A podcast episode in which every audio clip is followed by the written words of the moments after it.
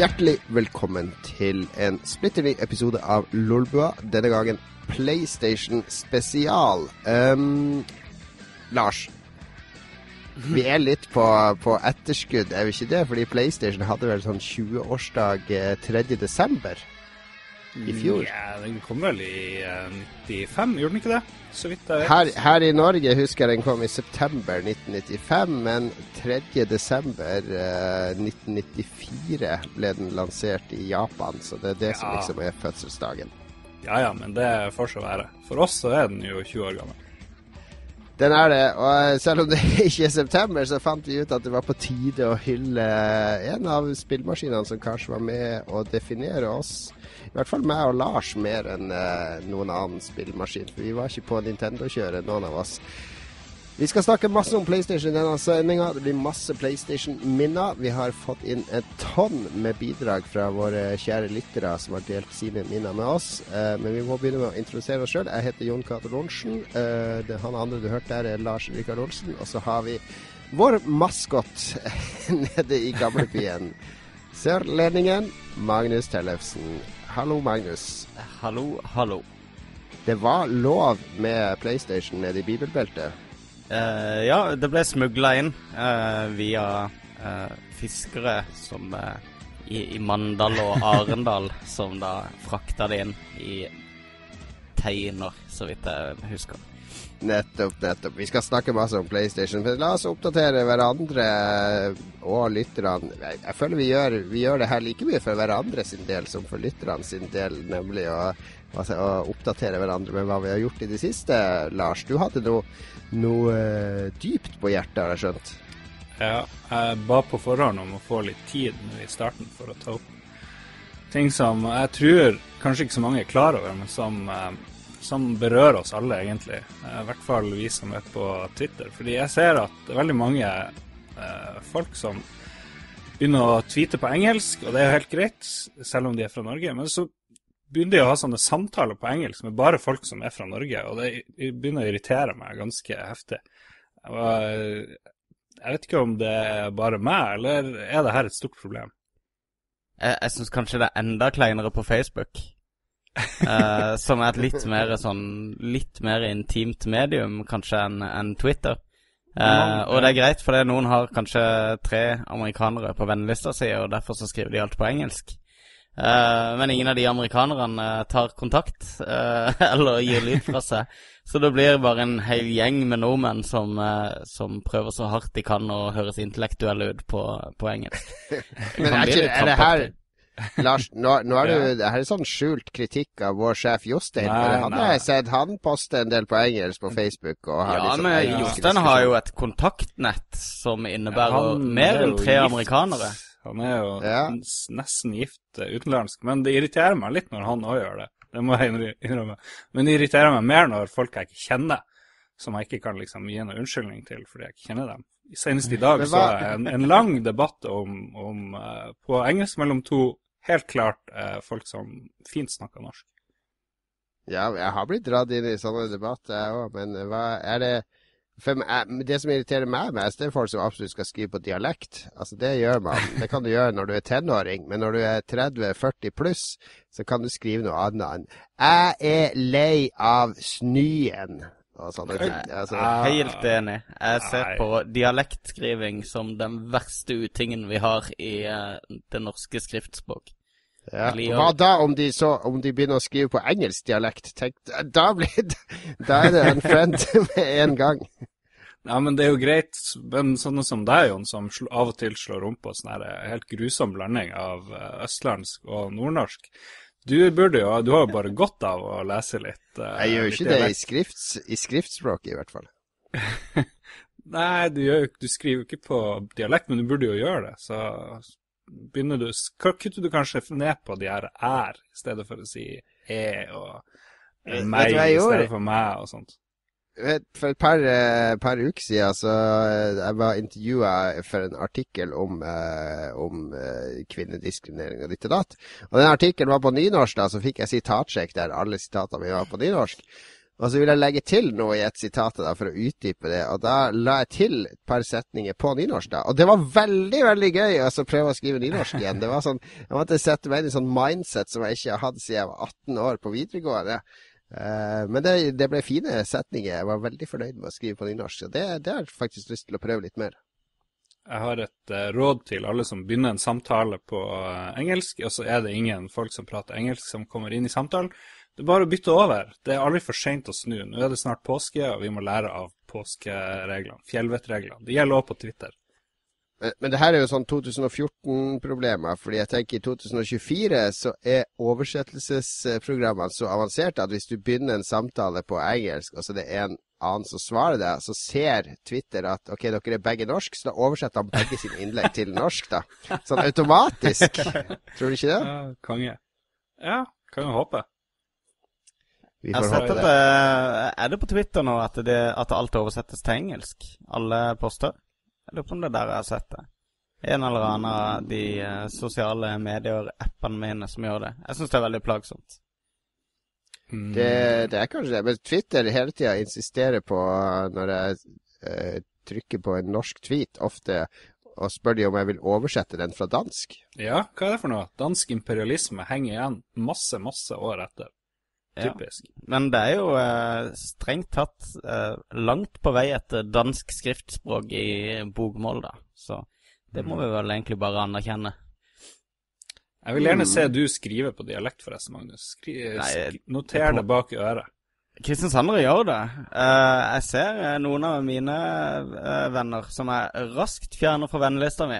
Men jeg ser, jeg, ser, de òg på Facebook er i gang med de der æren sine og Uh, jeg hører år på alt. Uh, jeg syns det er grusomt. Det er bare en sånn her forvanskling av, av kommunikasjon. Det, det, som er kult med felles skriftspråk, er at vi har en felles plattform å kommunisere på, som alle forstår.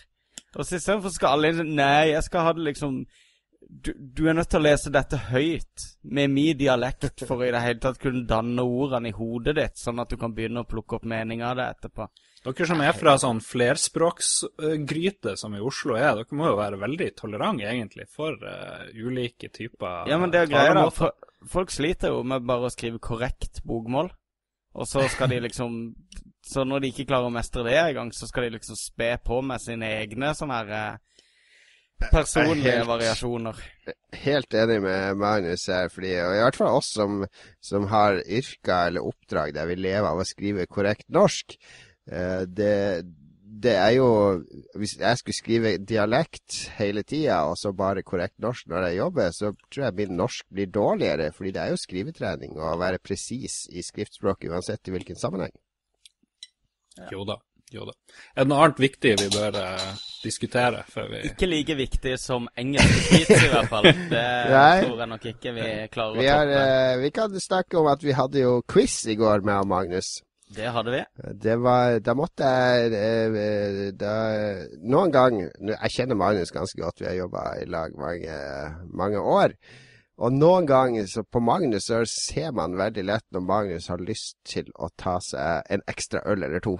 Det, det lyser ut av hele hans atferd og kropp. Så da jeg kom på quizen i går og fant han i baren, begynte å rigge og sånn, så så jeg han sto der og trippa og gløtta mot baren og tenkte nå mhm. er det, nå går det mot krukka for Magnus. Hadde jeg rett, Magnus? Jeg dro ganske tidlig. Ja, i dag så har jeg ikke noe mer lyst til å drikke.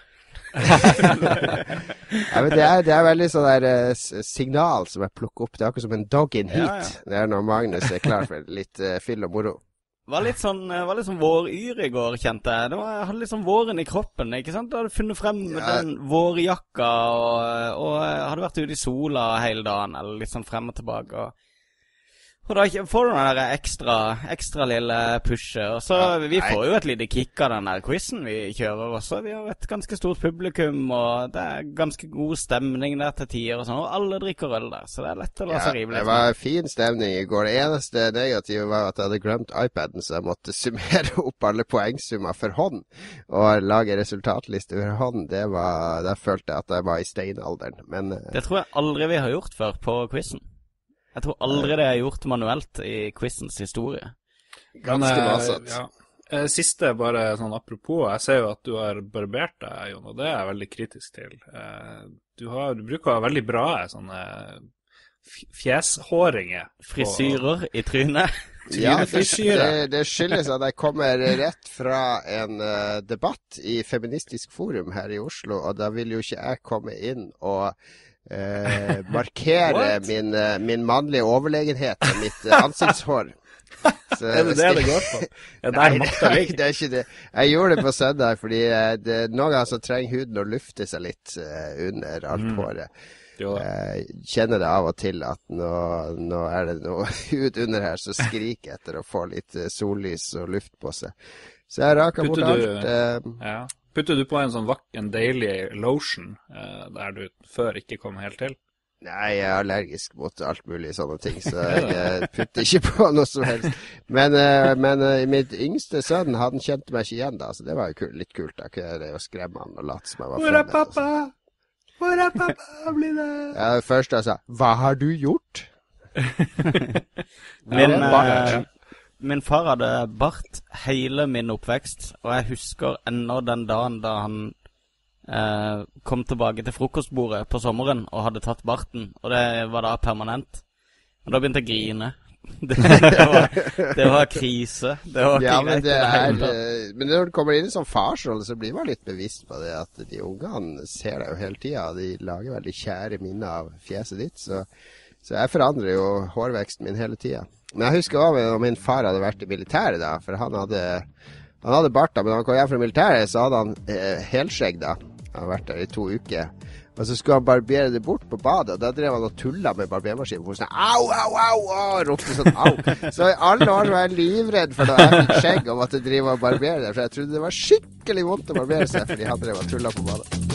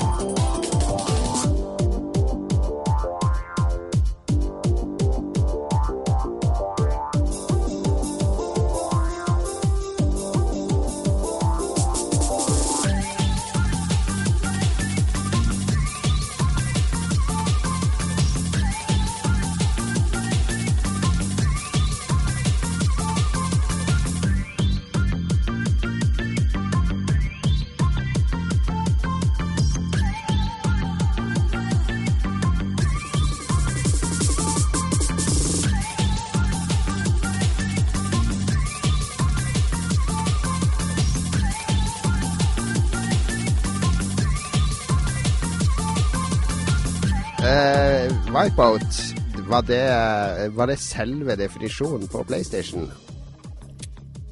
På mange måter så representer... Jeg syns det representerer PlayStation veldig godt, med tanke på grafikken og eh, ikke minst soundtracket, som var sånn supersentralt på eh, i, i hele serien, da. Men det var Mhm. liksom dette her med at eh, nå var det liksom ikke sånn dårlige midi-synthesizere som sto for eh, lydsporet. Da var det liksom Det var sånn ekte låter, da.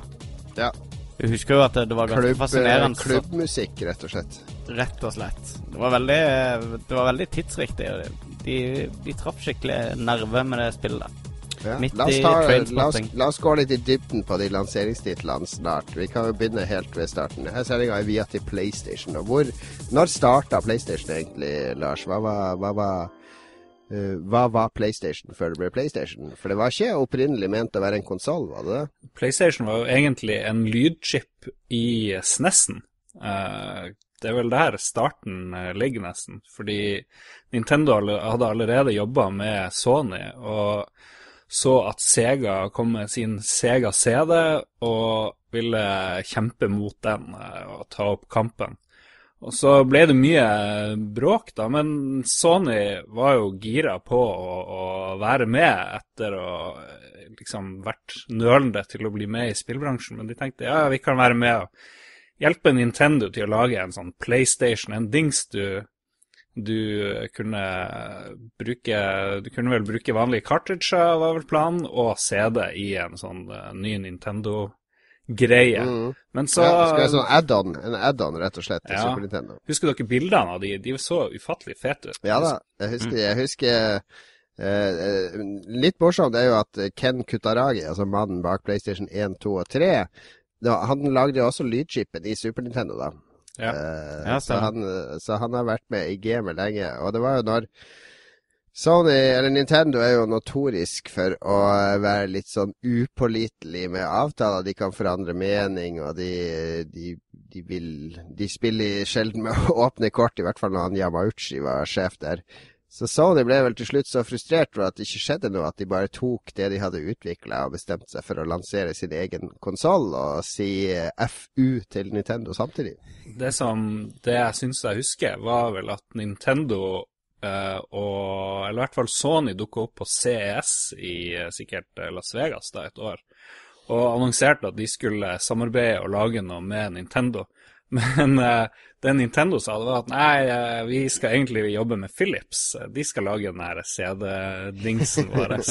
så det var en sånn mega-backstab fra, fra, Nintendo, i hvert fall. Som de var arrogant som få på den tida, men de hadde jo hele verden i hånda si. De hadde jo full kontroll. Så, men det var nok litt for arrogant. Ja, ja det var vel et av de store problemene med Nintendo 64, var vel hele arrogansen ja. til Nintendo akkurat her. Ja, men uh, han Ken Kutaragi, da, han som uh, lagde de her maskinene, han gikk til sjefen i Sony og sa at OK, nå har Nintendo fucka oss. Jeg har lyst til at vi skal lage vår egen maskin. Og han designa vel hele greia nesten sjøl. Han var visst en sånn megaingeniør, så han ordna vel veldig, veldig mye av det som endte opp i den her PlayStation. Hm. Ja, absolutt. Absolutt. Og det, dermed var det historie. Og jeg husker ennå Jeg har jo um, Jeg kjøpte jo på loppemarked eh, en nesten komplett samling med Nintendo-magasinet fra slutten av 80-tallet til eh, litt ut på 90-tallet. Og der husker jeg når jeg leste gjennom de, så fant jeg sånn artig sånn notis med at, uh, at Nintendo PlayStation er på vei, og Sony skal lage den, og bla, bla, bla, meldes det fra USA. Og så noen sånn halvt år senere så var det sånn morsom notis med at PlayStation Sony lanserer egen spillmaskin og sånn. PlayStation og bla, bla, bla. Og, sånn skikkelig syrlig språk. da, sånn der, Ja, ja, vet ikke hvor smart det er å utfordre Nintendo. Får å se hvordan dette går. ja, men det var vel ikke så mange som hadde trua på Sony, fordi Sega og Nintendo var så sinnssykt dominant. Og så mm. hadde de store problemer med å eh, tiltrekke seg utviklere Sony i starten. Men uh, så skjedde det Fikk de plutselig hjelp fra konkurrenten Sega, som fikk en hit med Virtua Fighter, som var jo et awesome 3D-spill. Og da, visstnok eh, ifølge han Shue Yoshida, som jo var sånn tredjepartsdude for eh, PlayStation 1, så bare strømma det på. De hadde vel en sånn 200, 200 selskap bare i Japan som hadde lyst til å lage spill. For det, først så var de ganske sånn Nja, vi vi er vant med 2D, og det vil bli altfor mye jobb å lage 3D. Men så plutselig skjønte alle at nå kan vi lage ufattelige fete spill på, på maskin hjemme til folk. Husker du Virtua Fighter på Ra 4? ja.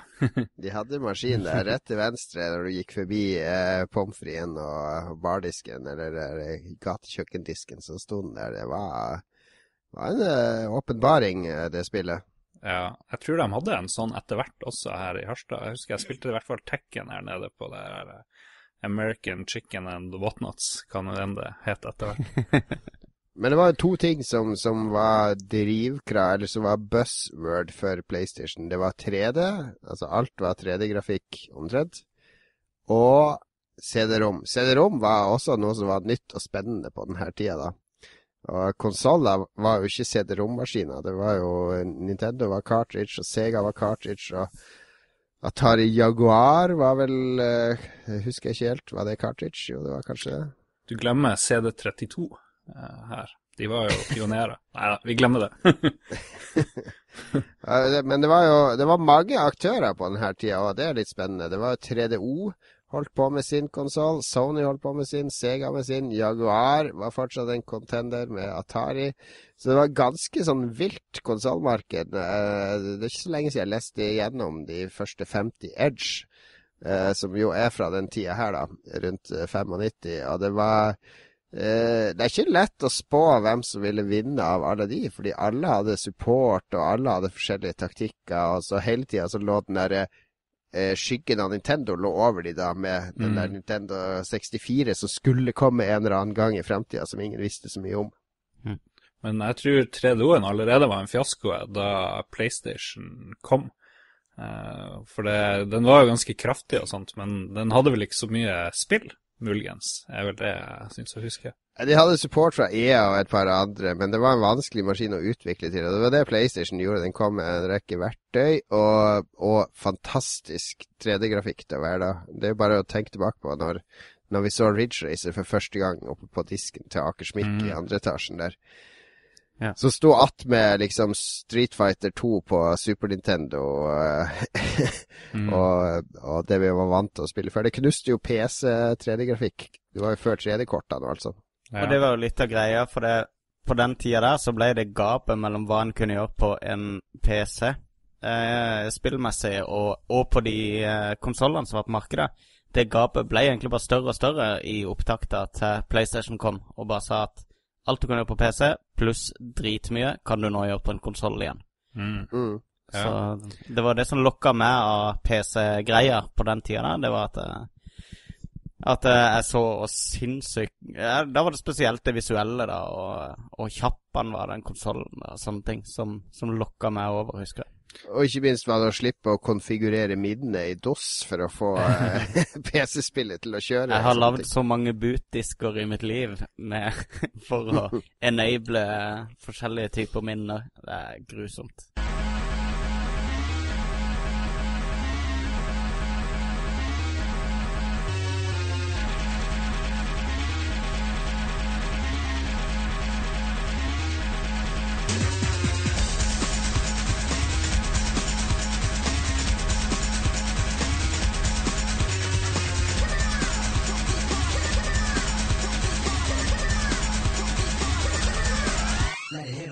Nevnte jo uh, Wipeout i starten.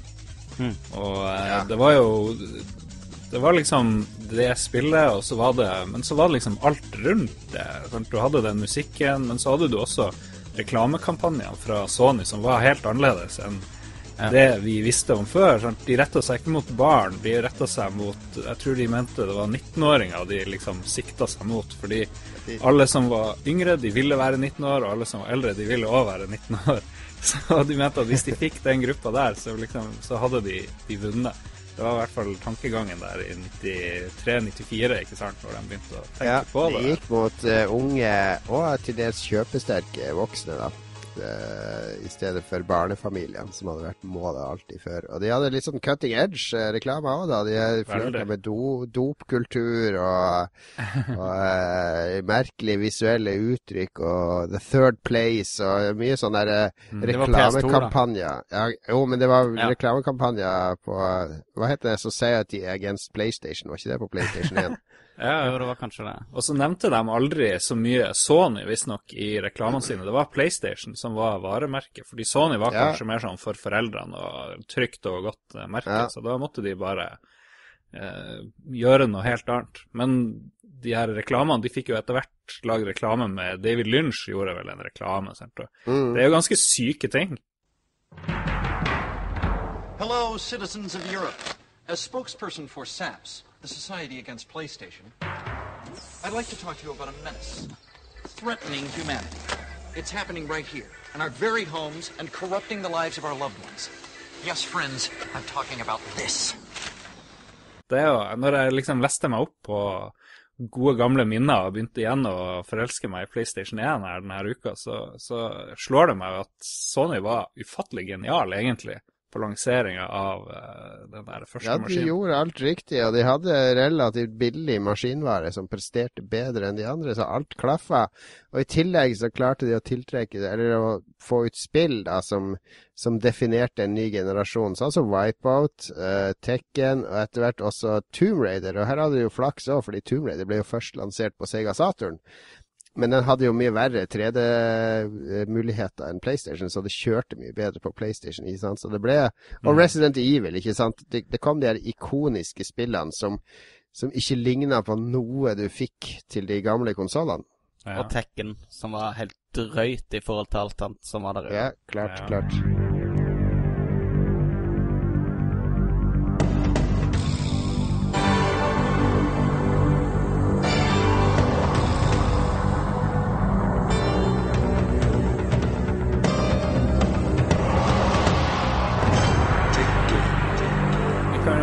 Liste opp eh, launch-titlene, noen av de?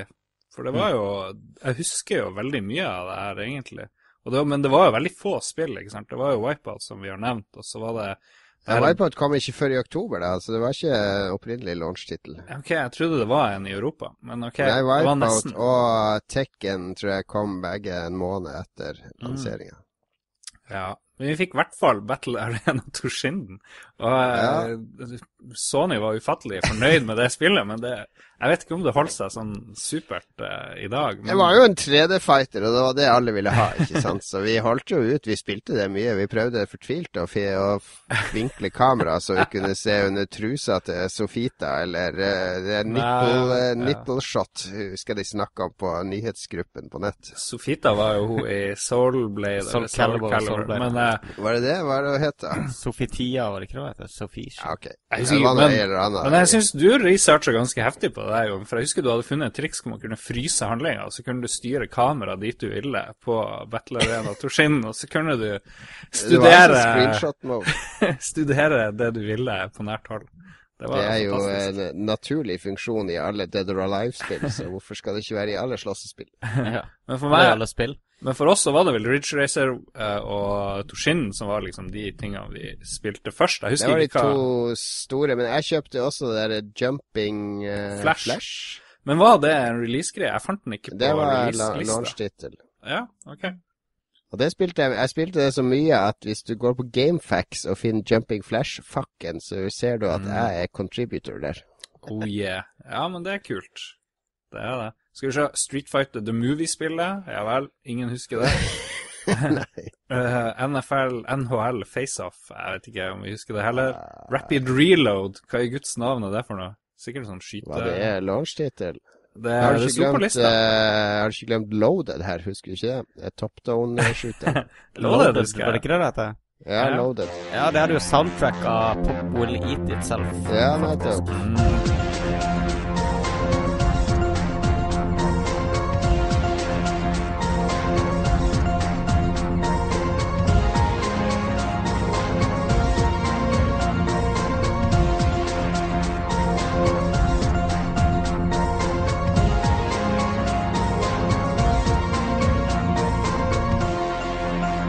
Var liksom ikke sykt mange spill, da. Det var det ikke. Uh, vi fikk jo òg den der eh, demodisken med den der uh, dinosauren og Ja. hva nå enn det Ja, den så vi lenge på. Ja, den så jeg òg veldig mye på. Ja. Det var morsomt. Men En dag. altså kom jo i oktober kom Wipeout og Ja, Destruction Derby har jeg glemt. Det var vel òg launch-tittel. ja, riktig. Det var kult. Det, eller vi syns nå det var kult. Det var ufattelig tregt og vanskelig å styre, men ja, ja. Det var kult der og da, men det, det har ikke holdt seg bra. Men, men det jeg også husker med PlayStation, hvis vi skal være litt negative, hvis det er lov, er jo at etter eh, Wipeout og, eh, og uh, Tekken og sånn, når vi nærmer seg jul, uh, januar-februar, så kom den der tørketida.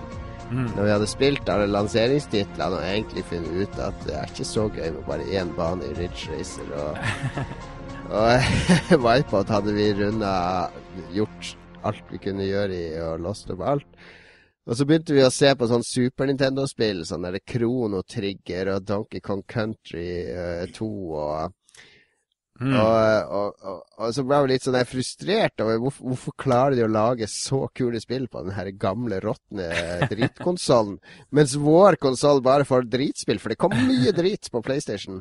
Ja, det kom masse drit, og jeg tror jeg kjøpte nesten alt som kom der en stund, bare for å ha noe Eller piratkopierte da vi fikk til det. Det var seinere, det var senere igjen. Ja. Men var ikke det litt av greia til uh, Sony? At uh, Nintendo var jo superstrenge på det der uh, Nintendo Seal of Approval-opplegget sitt med i det hele tatt å ta inn titler til sine konsoller.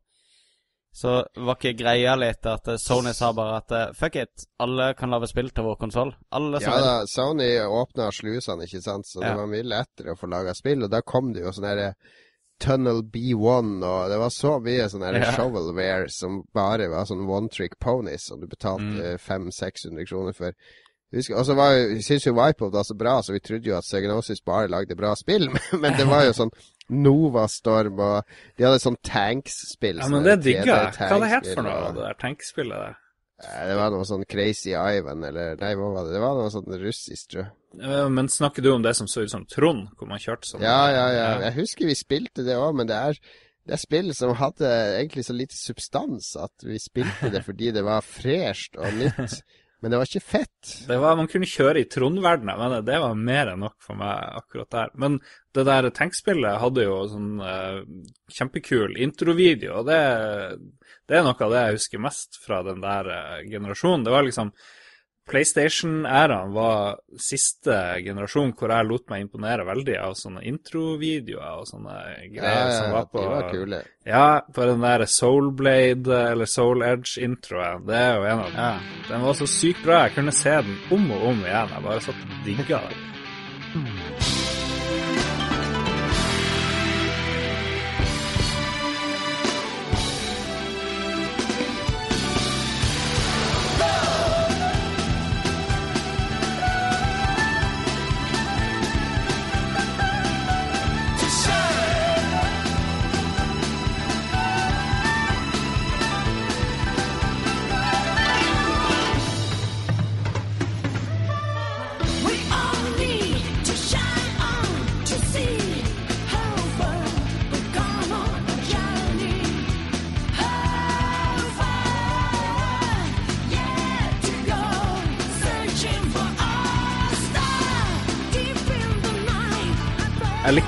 likte sånn demo på Amiga. Det hadde jo vært tørke lenge på det, så da ble det min nye demo. hvor Jeg fikk se ny grafikk og nye kule ting. Ja, det men var det var, det var jo en, en, en æra der FMV-en var liksom i sånn Eller der eh, digital digitale filmer var, ble født. Ikke sant? De ble født på Så den på- tida. Og da Toy Story kom og, og litt sånne ting. Så alle de teknikkene ble oppfunnet da. Så det var veldig Ja. kult å se hva de fikk til da. For i dag så får de jo til absolutt hva de vil i de FMV-filmene. Jeg, jeg syns jo det er gørrkjedelig å måtte se to minutter som en Ja. introfilm før jeg får lov å spille nå. Men Ja. det var helt motsatt da. Da kunne man bytte opp et spill bare for å se introen. Altså, så Final det spillet var Fantasy. Final Fantasy 7, det var jo oh. hele grunnen. Det, det som liksom holdt deg gående da gjennom de der eh, du, du kunne liksom spille 25 timer uten at noe eh, skjedde, annet enn bare sånn blipp, brrr, blipp, brrr. Og så kom det en filmsekvens av en annen eh, av de der dragene eller whatever som fløy opp i verdensrommet, og så satt du med frysninger de neste 25 timene, ikke sant? Og i Final Fantasy 7 så var det jo at du kunne springe rundt mens det var sånn FMV-sekvenser, husker jeg. Det var, det var Ja, riktig. De bare la han på videoen der på et eller annet vis. Ah, det var tider, det, altså. Men, Men, eh, men samtidig så hadde du veldig sånn her eh, Du hadde sånn innhopp av vestlige utviklere, da, som, som mer var en sånn vanlig ting på PC på den tida. Med, vi fikk veldig mange vestlige utviklere som begynte å lage spill til konsoll. Og eh, sånn som Tomb Raider og, eh, og Wipeout, og, og, men også spill som eh, eh, Oddworld-serien, for eksempel. Mm. Som var helt Det var jo helt vilt da det kom. For det, da begynte du virkelig å se sånne nye typer spill, da, eller nye, nye sånne ideer da, som begynte å dukke opp. Det var jo et veldig tradisjonelt sånn gameplay-messig, men, mm. Jo. men eh, det, det var mye kreativt som plutselig begynte å dukke opp. Og det var dette innhoppet av vestlige utviklere som jeg også tror var veldig smart, for det gjorde at eh, ja. Før vi, vi- før, før vi går veldig videre fra det, så må vi jo nevne at Sony kjøpte jo eh, Psygnosis, eh, Ja. og det tror jeg må ha vært en liten genistrek, i hvert fall når de fikk eh, Wipeout, som jo erobra Europa, i hvert fall eh, for dem. Så den der å stjele noe, noen bra vestlige utviklere, det betalte seg jo. De ble Ja, de, de rappa jo eh, Squaresoft òg fra, fra Nintendo med Ja, de gjorde det. De kjøpte 20 der. Yes, det var jo den store backstabben. Det snakker Nintendo og Square fremdeles sammen, eller? Ja da, de, eh, Square lagde jo Super Ja, Mario RPG bare noen år etter, så det, de er ikke Men det var kaldt der en stund. Jeg husker det. Var, det, var ikke noe, det var ikke noe hyggelig stemning etter at Nei, Final var- Fantasy skifta konsoll. Det var jo ikke det, men Final Fantasy 7 ble jo et av mange definerende spill. Også et av, det er kanskje det første JRPG-et som mange spilte. Ja, Ja. det var det for min del, faktisk. Du nevnte jo eh, eh, at man fikk litt annerledes spill, Magnus. Og det, Ja.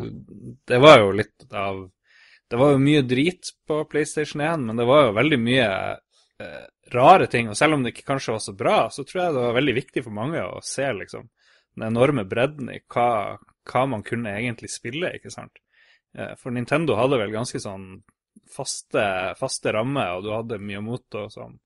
Eller eh, jeg mener Ja, Jo, for, for tredjepartsutviklere på Nintendo også var det så høy risiko med å lage de cartridgene, for de måtte betale det sjøl, og de kunne brenne inne med 200 000 usolgte spill, liksom, så du ikke kunne få tilbake noe penger. var det ikke noe, måtte du ikke trykke opp 100 000? Var det ja, ikke det var mye krav, og det var høye royalties og sånn. Så, Ja. så når, hvis du utvikla spill til Super Nintendo, så ble det Det er litt sånn som AAA-spillene i dag. De må safe. Du må gå for sjangre som er trygge. Det var vanskelig å være innovativ og vågal ikke sant, på de, de cartridge-konsollene. Mens på PlayStation, det jeg likte aller best med PlayStation, var at alt var lov.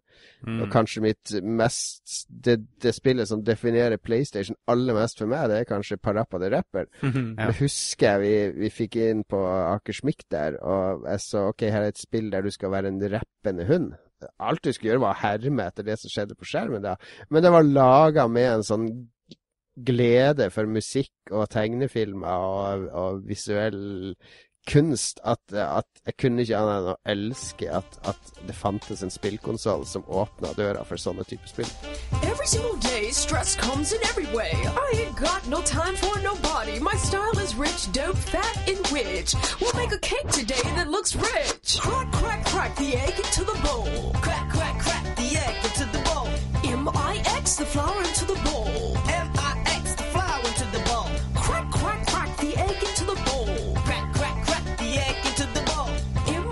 M-I-X the flour into the bowl. M-I-X the flour into the bowl.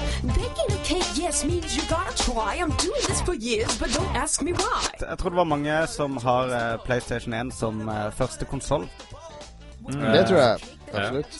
For det, eh, altså dette var jo Det var jo midten, og, eh, midten mot slutten av 90-tallet som egentlig var en sånn golden age for PC-spill. Eller det vil si, den var på vei på å dø vekk. Eh, og flere og flere kjøpte seg PlayStation og, hadde den som første konsoll. Um, for min del var det jo også det. Jeg hadde jo ikke hatt noe sånn konsoll lignende siden disse her eh, eh, computerne ZX Spectrum og Commodore 64 og dette her. Så hadde jeg vært på PC-kjøret siden det. Ja. Um, Det var nok første konsoll for mange. Og det som var litt kult med PlayStation som konsoll òg, var at det var ikke noe flaut å ha den under TV-en i stua eller på hybelen. nei, det var, det var en litt sånn trendy, trendy konsoll, ja. Og det var, det var sånn nachspiel-greie. Ja, Super Nintendo var liksom ikke det du stilte ut i stua, men å ha en PlayStation attmed eller Ja. under TV-en, det, det så kult ut. Det Mange var- som brukte de som CD-spillere også på fest og sånne ting. Vet du. Husker jeg. Men ehm, eh, av min eh, naive PC-bakgrunn, så var faktisk eh, Jeg var litt sein med å hoppe inn på PlayStation. Altså. Jeg tror det var først i 97 at jeg gikk til innkjøp av konsollen. Og da var jeg på en Torden-butikk i Kristiansand og prøvespilte. Eh, og da var det faktisk Final Fantasy 7 som sto i, på demoen. Så testa det, så nei, det var ikke noe gøy. For det var midt i en sånn kjedelig del, jeg fatta ingenting. Så, så dro jeg og kjøpte en PlayStation, og da, da kjøpte jeg um, Nightmare Creatures, som så spennende ut. Og så kjøpte jeg, siden jeg var Lucas Harts uh, superfanboy, så um, kjøpte jeg Hercs Adventures, som var et grusomt dårlig beat em up-spill fra LucasArts. Så det var min, min debut på, eh, på PlayStation-markedet. Men så eh, Det som var så kult med PlayStation, var at alle hadde konsollen, så du fikk jo låne spill av alle. Så det er veldig raskt så, så fikk jeg jo tilbake igjen eh, Final Fantasy 7, og det har jeg spilt mye. Og, og etter hvert så ble det vel ikke bare å låne, da var det jo bare å kopiere. For det var ikke til å stikke under en stol at, at PlayStation var et uh, ynda sted for folk uh, for piratspill etter hvert. Veldig. Ja. Og det var veldig lett å få de chippa også. Det var ikke husker, husker kostbart. du, og- det var når Resident Evil kom at vi først uh, At det først dukka opp uh, det som da het swap-trikset. Husker du det, Lars? Ja, det var jo mye var styr det. med å holde oppe lokket og liksom få den til å tro at den var lukka. Ja, du brukte en penn, gjorde du ikke det, til å trykke ned den låsen? Ja, det, det det gikk ut på, for de som ikke vet det, at du satt i et originalt PlayStation-spill, og så trykte du ned med f.eks. en penn. Eh, eh, det var en sånn der mekanisk bryter inni lokket da, som registrerte at lokket var igjen, og da begynte disken å spinne da mens lokket var åpent, og du holdt nede den bryteren. Og så etter at den hadde buta maskinen, da, eller det var sånn bootsekvens fra disken, så stoppa disken i et sekund før den begynte å lese inn spillet. Og da tok du ut disken kjapt, og så satte du ned en piratkopi. Og da trodde, da trodde maskinen at, at du hadde buta en originaldisk, og så bare fortsetter den å lese av piratkopien. ja, Og det, det, vi får jo og kjøpte oss sånne fjære, husker jeg, på Claes Olsson som skulle passe inn i, i lokket der. For da kunne du lukke lokket halvveis, og så trykka lokket ned eh, den der disken. Og så bare bytta du, og så lukka du lokket helt med den fjæra i der. Ja, det var perfekt. Man følte seg som en eh, master criminal når man fikk til det der. Ja, det var en som het eh, han heter, Vi kalte han bare for Staken. Vi møtte han på Akersmik. En litt lyssky østlending som vi sto og så på, eh, på Resident Evil, som det kosta vel 599 og sånn. Og han bare Pst, vil du ha det for 200 og sånn? Og så for vi ut i sånn her bakgate, og han for og, og lærte oss det trikset der med å sveppe og ditt og datt, så han ble med oss opp. Jeg tror han ble med, med vår venn Jabba opp på, på Kringsjå og viste han det trikset. Vi så at det funka. Vi bare "Ooh, This changes everything. Ja. Vi, Men det gjorde det også, på veldig mange måter. Uh, I hvert fall, jeg, jeg fikk jo chippa min konsoll, og da fikk jeg plutselig tilgang på de um, amerikanske NTC-utgavene av spillene. Og Ja. da oppdaga jeg plutselig NTC, og det var en Det var sånn PlayStation 2.0 i, eh, i Det, mitt det er eh, Palgate. Det er Palgate vi snakker om her. Ja, men da um... Men herregud, så mye forskjell det var fra Europa til USA og Japan da, fordi de kjørte jo Det her var før HDMI, da, altså TV-signalet Eller signalet ut av konsollene måtte tilpasses hva TV-en kunne ta imot. Og via RF og SCART så måtte du på amerikanske og japanske TV der kunne du kjøre 60 bilder i sekundet, mens du kunne kun kjøre 50 i Europa, da. Og det de gjorde med spillene når de konverterte de da, eh, det var at de bare reduserte Eller de bare lagde samme spill, bare med redusert hastighet. Og så var det annen oppløsning òg, da, så da ble bildet gjerne skvisa sammen i Europa hvis de ikke gjorde noe for å optimalisere. ja, ja Og i starten var vi jo Ja, vi var jo i denial på det i starten. At eh, vi leste at det europeiske PlayStation var bare drit. Og sånn, så hæ, nei, det har jo vi brukt 4000 på, så det er klart at det ikke er noe drit. Men så når Tekken kom, så husker jeg vi spilte vi det hjemme, og så gikk vi ned på Spiderman og så på spilleautomaten. og så sto vi der og så litt sånn oppgitt. Ja, det går jo ganske mye fortere her på automaten enn Ja, det det var helt hjemme. sykt i sirup. Men det ble jo mye lettere å la, gjøre komboene, da, selvfølgelig. Med Ja, Michelle Og det var og jo gjengen. Jeg spilte, jeg spilte enormt mye Tekken 3 spesielt, men, men også toeren. Og, Ja. eh, og det var veldig mye disse her ti-hits-komboene ikke sant, som du lærte deg i begynnelsen for liksom å lære seg character og sånn. Og da De var det helt umulig å replikere på en, på en eh, pallmaskin etter å ha lært seg det på NTC, fordi at det, Ja, hastigheten var helt Det var Men det der, det hang igjen på det, Helt til HDMI kom og ordna opp. Jeg husker også når Super Mario 64 kom. Ja. Eh, så kjørte vi japansk N64 og europeisk ved siden av hverandre. Mario kom opp av røret, og så løp vi til døra på Slottsholm. Klar, ferdig, gå. Og så var NTC-Mario han bare tjo, fremme ved døra to sekunder før Pall-Mario. Det var, var hjerteskjærende for Pall-spillere. Ja, det var ikke noe greit.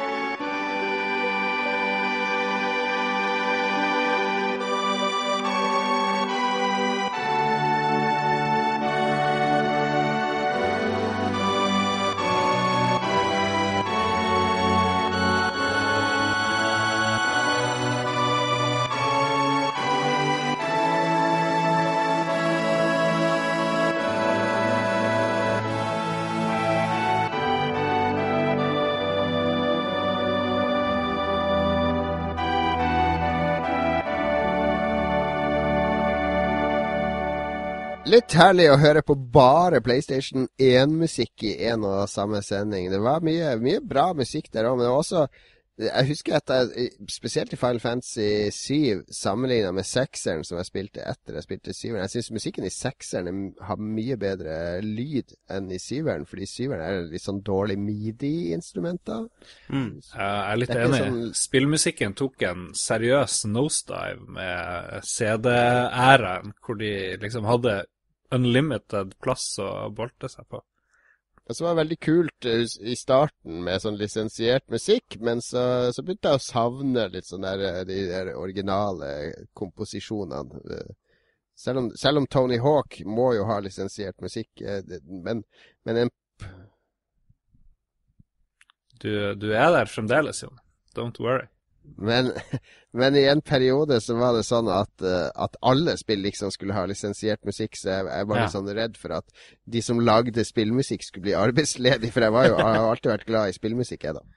Ja, de fikk, plutselig fikk de lage musikk med orkester og alt mulig, og ja, jeg vet ikke. Det er noe med strukturen med en sånn chip-låt, ikke sant. Veldig fokus på melodi og Ja, det blir noe helt annet når du kan liksom sitte der med en million synter og bare gjøre hva du vil. Det var jo selvfølgelig bra musikk, men jeg husker jeg var veldig skuffa da han Bjørn Lynne-duden i, eh, i Team 17 skulle lage musikk til det her Prosjekt X, eller hva det heter, det skytespillet, og så ble det liksom Det ble med en gang noe helt annet enn det var på Amiga. Mista særpreg ja. når du bare kunne lage hva du ville, og, og eksportere det på, eh, som en vanlig lydfil, eller sånn WAV-fil. Men jeg, jeg syns det var kult òg, på grunn av Det ble litt Det var den der første tilnærminga til filmmediet, da, med spill. At, eh, at du følte liksom at eh, når du kunne komme inn f.eks. sang i, i et spill, så følte du liksom ja, ja, dette er som å spille en film. Hvis du spilte Ja, det, som er det, var, episk. det var veldig kult. Men vi, vi er litt eh, Vi er i neste bolk her, egentlig, nå. Vi klarer ikke liksom helt å slippe PlayStation 1, men vi må jo snakke litt om hva vi har spilt. Behind you. Jon. Behind you. Og, eh, og vi har ikke spilt så mye PlayStation 1 i det siste. Men vi må snakke om det, så kommer vi jo tilbake til Vi har jo et tonn med lytterbidrag med PlayStation-minner, så vi kommer tilbake til PlayStation 1. Slapp av, de som vil ha mer om det. Ja. Eh, hva har du spilt i det siste, Lars? Du har spilt en demo, er det lov å snakke om det? Demo? ja, det må jo være lov å snakke om det. Jeg har eh, spilt og tatt opp eh, over to timer med Final Fantasy 15-demoen. Det skal jeg, det skulle Des- Desque? Er det noen som vet hvordan man uttaler undertittelen på demoen til Final Fantasy 15? Disque? Disque? Japanske spilltitler er litt rare av og til. Det er mye sånn tysk, og så er det litt sånn fransk, og whatever. Og det har de gjort igjen på et eller annet vis med den her eh, Final Fantasy 15. Og jeg hørte jo mye bra om den her demoen, så jeg var kjempegira på å teste den. Så eh, i eh, morgen, for de som ser live, så på torsdag så regner jeg med å hive ut eh, noe fra det. Så kan de gå på vår YouTube-side og på vår side lolbua.no og høre med han eh, eh, Mats som spiller og har det veldig gøy når vi prøver den her demoen. Og jeg vet ikke om det var i forrige sending du skrøt mye av det her, eh, Magnus. Eller hadde du spilt den, eller hadde du bare sett det på video, kanskje? Nei, jeg hadde bare sett det. Det var noen som hadde lagt opp noe eh, klipp fra Ja. Eh, en av de summon-spelsene. Ja. Det var Ja. Ja, det var det vi snakka om. Men la, deg, hva går den demoen ut på? Hva, hva, hva skjer i den demoen? Hva, hva gjør det her Final Fantasy nytt og spennende i forhold til den derre Kalkun 13? Alle er jo ikke enige i at 13 er en kalkun, men eh, bortsett fra det, da, så jeg jeg er ikke noen stor fan av det. Nei, men det, det handler om at du er et boyband, eh, og så bryter bilen til boybandet sammen midt ute i litt sånn eh, landlige strøk, hvor det står sånne her Jurassic Park-aktige ting ute i en innsjø. og eller så er det veldig moderne med vanlig Det er en kiosk og en bensinstasjon der, hvor du prøver å få reparert bilen din hos den kvinnelige versjonen av Sidda som, som gjør sitt inntog i denne her.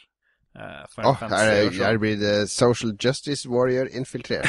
Er gjort om Sid til en kvinne. Ja, hun er veldig lite social justice warrior. Er, Men det er ren pølsefest. Det er gutteband. Hvor det har jo alltid vært, uh, vært alle kjønn representert i Final Fantasy. Ja, jeg har aldri sett noen dame i partyet der, men ja, det er jo en ting jeg la merke til når jeg var ferdig, men det var jo at det er party. dere er fire stykk, tror jeg, og du styrer bare én av de, og etter hvert så bare detter de andre karakterene litt bort. Det var jeg litt skuffa over. Jeg vet jo ikke om det her er sånn som det blir. Spillet kommer jo neppe før til neste år, men du får liksom egentlig bare å gjøre dine egne ting, og det eneste du kan gjøre med de andre i denne demoen, det er å heale dem, eller eh, gi dem antidote og sånne ting. Ellers så får du sjøl ja. slåss. Ja, de slåss av seg sjøl. Ja, så da bilen er ødelagt. Boybandet, jeg vet ikke om det er et boyband, men de ser sånn ut. Eh, de må springe rundt og slå en sånn her behemoth eller et eller annet sånt for å få en belønning på 25 000 gill, tipper jeg det var vi samla inn, eh, for å reparere den her bilen. Så det er liksom sånn, det er et eventyr i seg sjøl som varer fra to til fire timer, alt etter hvor mye du gidder å legge i det. Men det er et svært, fint område, og du må liksom jakte ned og finne clues og finne den der behemoten og kjempe mot den. og Det er liksom masse forskjellige ting du gjør. Jeg skal ikke spoile det veldig, men du ser en chocobo her, og du ser litt sånne kjente, kjente ting. Så det, du, jeg følte meg ganske fort hjemme i et sånt Final Fantasy-univers. Ja, Men var det gjort uh, Faktum er jo at, uh, at det fins Det er solgt 20 millioner av PlayStation 4. Kun 1 million er solgt i Japan. Så det her er jo Spillet er jo stort sett laga for et vestlig publikum, eh, selv om ikke Square har sagt det rett ut. Så det er der salgspotensialet ligger. Merker du noe til at de har Mm. tilpassa det til forventningen til det vestlige publikummet, eller føles det som, som et ekte sånn japansk RPG laga for et japansk publikum? Det er et kjempegodt spørsmål, men var det ikke Square som sa at de skjønte at hemmeligheten med å klare å slå gjennom i Vesten var å lage spill for Japan? Og hvis du lager et godt spill for Japan, så vil det liksom slå til i utlandet òg. For jeg følte ikke sånn veldig den her eh, vest, vestlifiseringa av, av noe som helst, egentlig. Eh, Nei, Jeg tror ja. det Final Fantasy-fans vil ha, er et ekte japansk rollespill, og ikke, ikke et som, som mm. føles utvanna. Men det er jo veldig spennende ikke- at det er lagt til nutida, syns jeg. Det er Ja. veldig annerledes. Beklager, jeg avbryter, Magnus.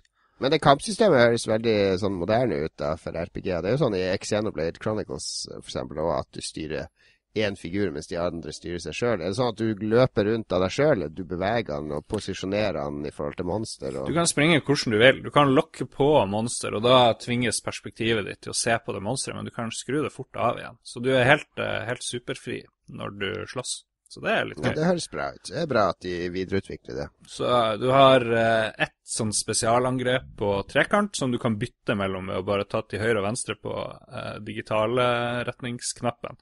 Og da, gjør du, da kan du gjøre sånne drain, eh, drain strikes og whirlwind strikes og ditt og datt. Litt sånn som spells på et vis, da, kanskje. Og så har du også en Ja. sånn overdrive-knapp hvor du gjør sånne spesielle, spesielle ting, og du kan teleportere deg bort og slå folk, og du kan teleportere deg og hoppe opp i sånne master og se liksom rundt omkring. Så kan du holde inn en knapp, så dodger du hele tida, og hvis du holder inn den, og det kommer et sånt symbol over fienden, så kan du countre det angrepet. Så det var ganske mye forskjellig å gjøre egentlig i kamp etter hvert når man lærte det, men jeg savna likevel eh, turn og muligheten til å gå inn i noe turn-based, eller bestemme litt mer hva lagkameratene dine gjorde, for jeg følte savna litt ikke- mer kontroll. Er, er det sånn som i tolleren, da, med at du kan programmere dem litt? Nei. At de skal reagere på ting? Dessverre, det var ingen, ingenting sånt. Riktig. Um, ellers, eh, det var sånn halvgod grafikk. Veldig mye sånn eh, weird blurry bakgrunner som så ganske ræva ut. Men, og yes. frameraten er litt sånn janky, og av og til så bare stopper det helt opp når det er mye som skjer. Men til tider så var det veldig, veldig fint. Så jeg tror det kan bli bra.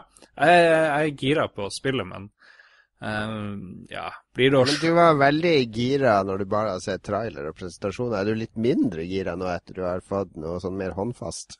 Nei. Jeg var ikke så gira da jeg så traileren. Jeg, det var Magnus som ble så Du snakka om det her i Lolven. Nei, det var, det var for flere meg. episoder siden. Var det Magnus, det? Ja, ja. Ja, det var kanskje det. Men jeg, jeg, jeg, jeg er gira. Jeg, jeg har vært gira. Jeg, jeg, jeg, jeg, jeg er positiv. Jeg tror det blir bra. Jeg tror det blir bra. Bra, bra, bra. bra. Magnus, hva er det du driver med i det siste? Du har sikkert spilt Battlefield Hardline eh, dag og natt. Jeg har spilt eh, Battlefield Hardline i eh, ti minutter, eh, så det hadde jeg ikke tenkt å snakke om.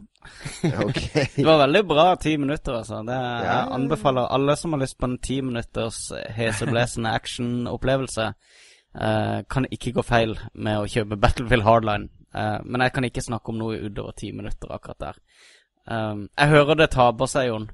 Ja, gjør det. Men uh, jeg, jeg satt nå Jeg har spilt uh, Og ikke så mye av det heller, egentlig. Men i dag så ble eh, eh, Borderlands The Handsome Collection sluppet på PS4 og Xbox One. Ja vel.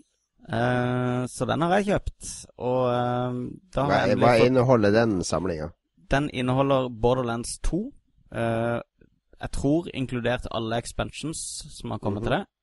Uh, som eh, tidligere bare vært gitt ut for forrige generasjon. Og, uh, også det nye spillet som bare var gitt ut på 360 og PS3. Um, The Pre-Sequel, som er lagd av 2K Australia.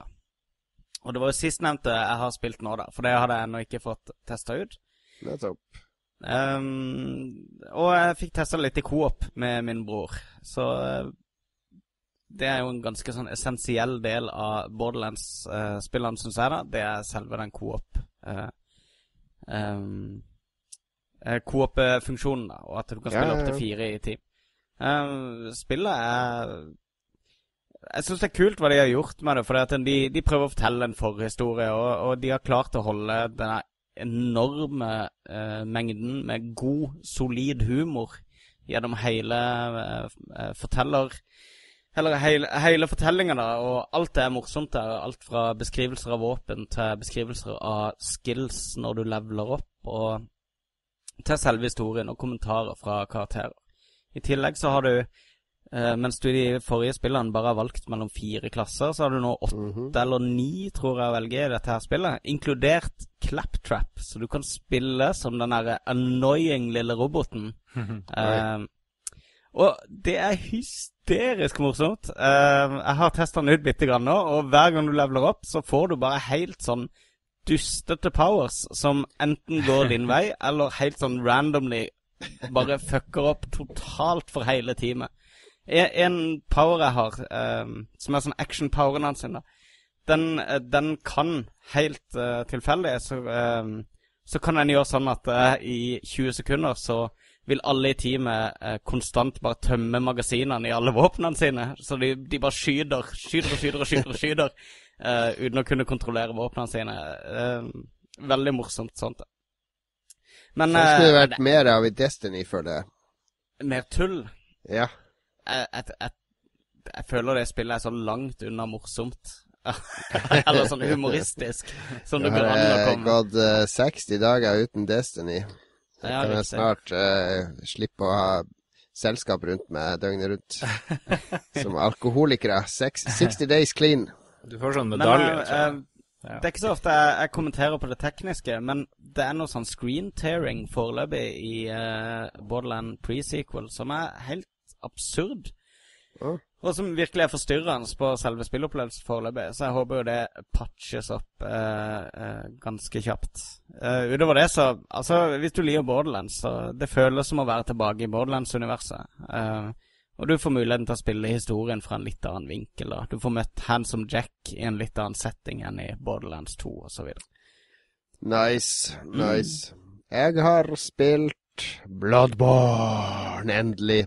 Endelig PS4-spillet over alle PS4-spill. Jeg har spilt Bloodborne siden lørdag. Lørdag begynte jeg på det. Og hver våkne time hver dag så tenker jeg hvorfor sitter jeg ikke og spiller Bloodborne? Det tenker jeg til og med nå når jeg sitter med mine, to av mine beste venner her i Lolbua. Så tenker jeg hvorfor jeg kunne sittet nå og spilt Bloodborne i stedet for å prate skit her. Du vet jo hvordan jeg det i siste seks måneder når jeg har spilt Destiny. ja, men det er det vi som har redda deg fra Destiny. Nå er det motsatt. Ja, Nei da, det er Bloodborne er eh, det er alt jeg ikke våga å håpe på. Jeg var litt skeptisk. Ok, skal de bare lage Dark Souls på nytt i en sånn her eh, Castlevania Victorian gotisk setting? Og jo da, det er, det er Dark Souls, men det er, det er gjort sånne små tweaks eh, som han Miyazaki har gjort, som gjør at det føles veldig annerledes. Du kan for det første ikke blokke lenger. Ja, du er sånn jeger, da, fanga i en sånn her uh, marerittaktig verden som er genuint skummelt. Altså, jeg, jeg, det, jeg syns det er skumlere å gå rundt i Bloodborne enn i alle Resident Evil og Silent Hill jeg har spilt. Mhm. Fordi, eh, fordi eh, det, er, det er genuint ekkelt, altså. Hele tida. Og du vet aldri hva som venter deg. Og du hører lyder, og så ser du en kjempe gå forbi, og da står jeg og gjemmer meg og håper han ikke snur seg mot meg. For da må jeg enten løpe, eller så må jeg prøve å ta han, osv. Det, er- det er veldig, veldig eh, guffen stemning. Eh, gotisk og ekkelt.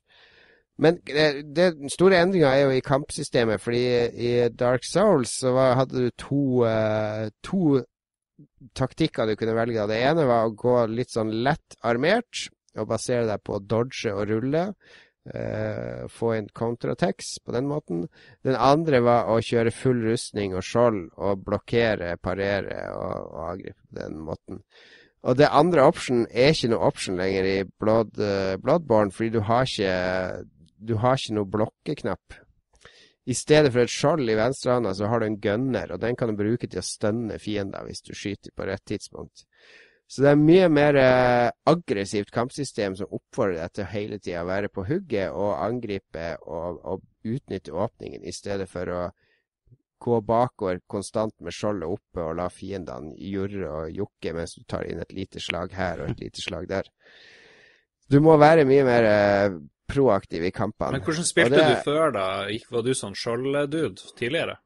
jeg, jeg likte ikke å være sånn fullt armert, fordi i Dark Souls er det eh, Hvis du Det er sånn det er tre, tror jeg, forskjellige rulleanimasjoner når du ruller til siden. Hvis du ikke har noe rustning, så ruller du kjempefort og kommer deg opp.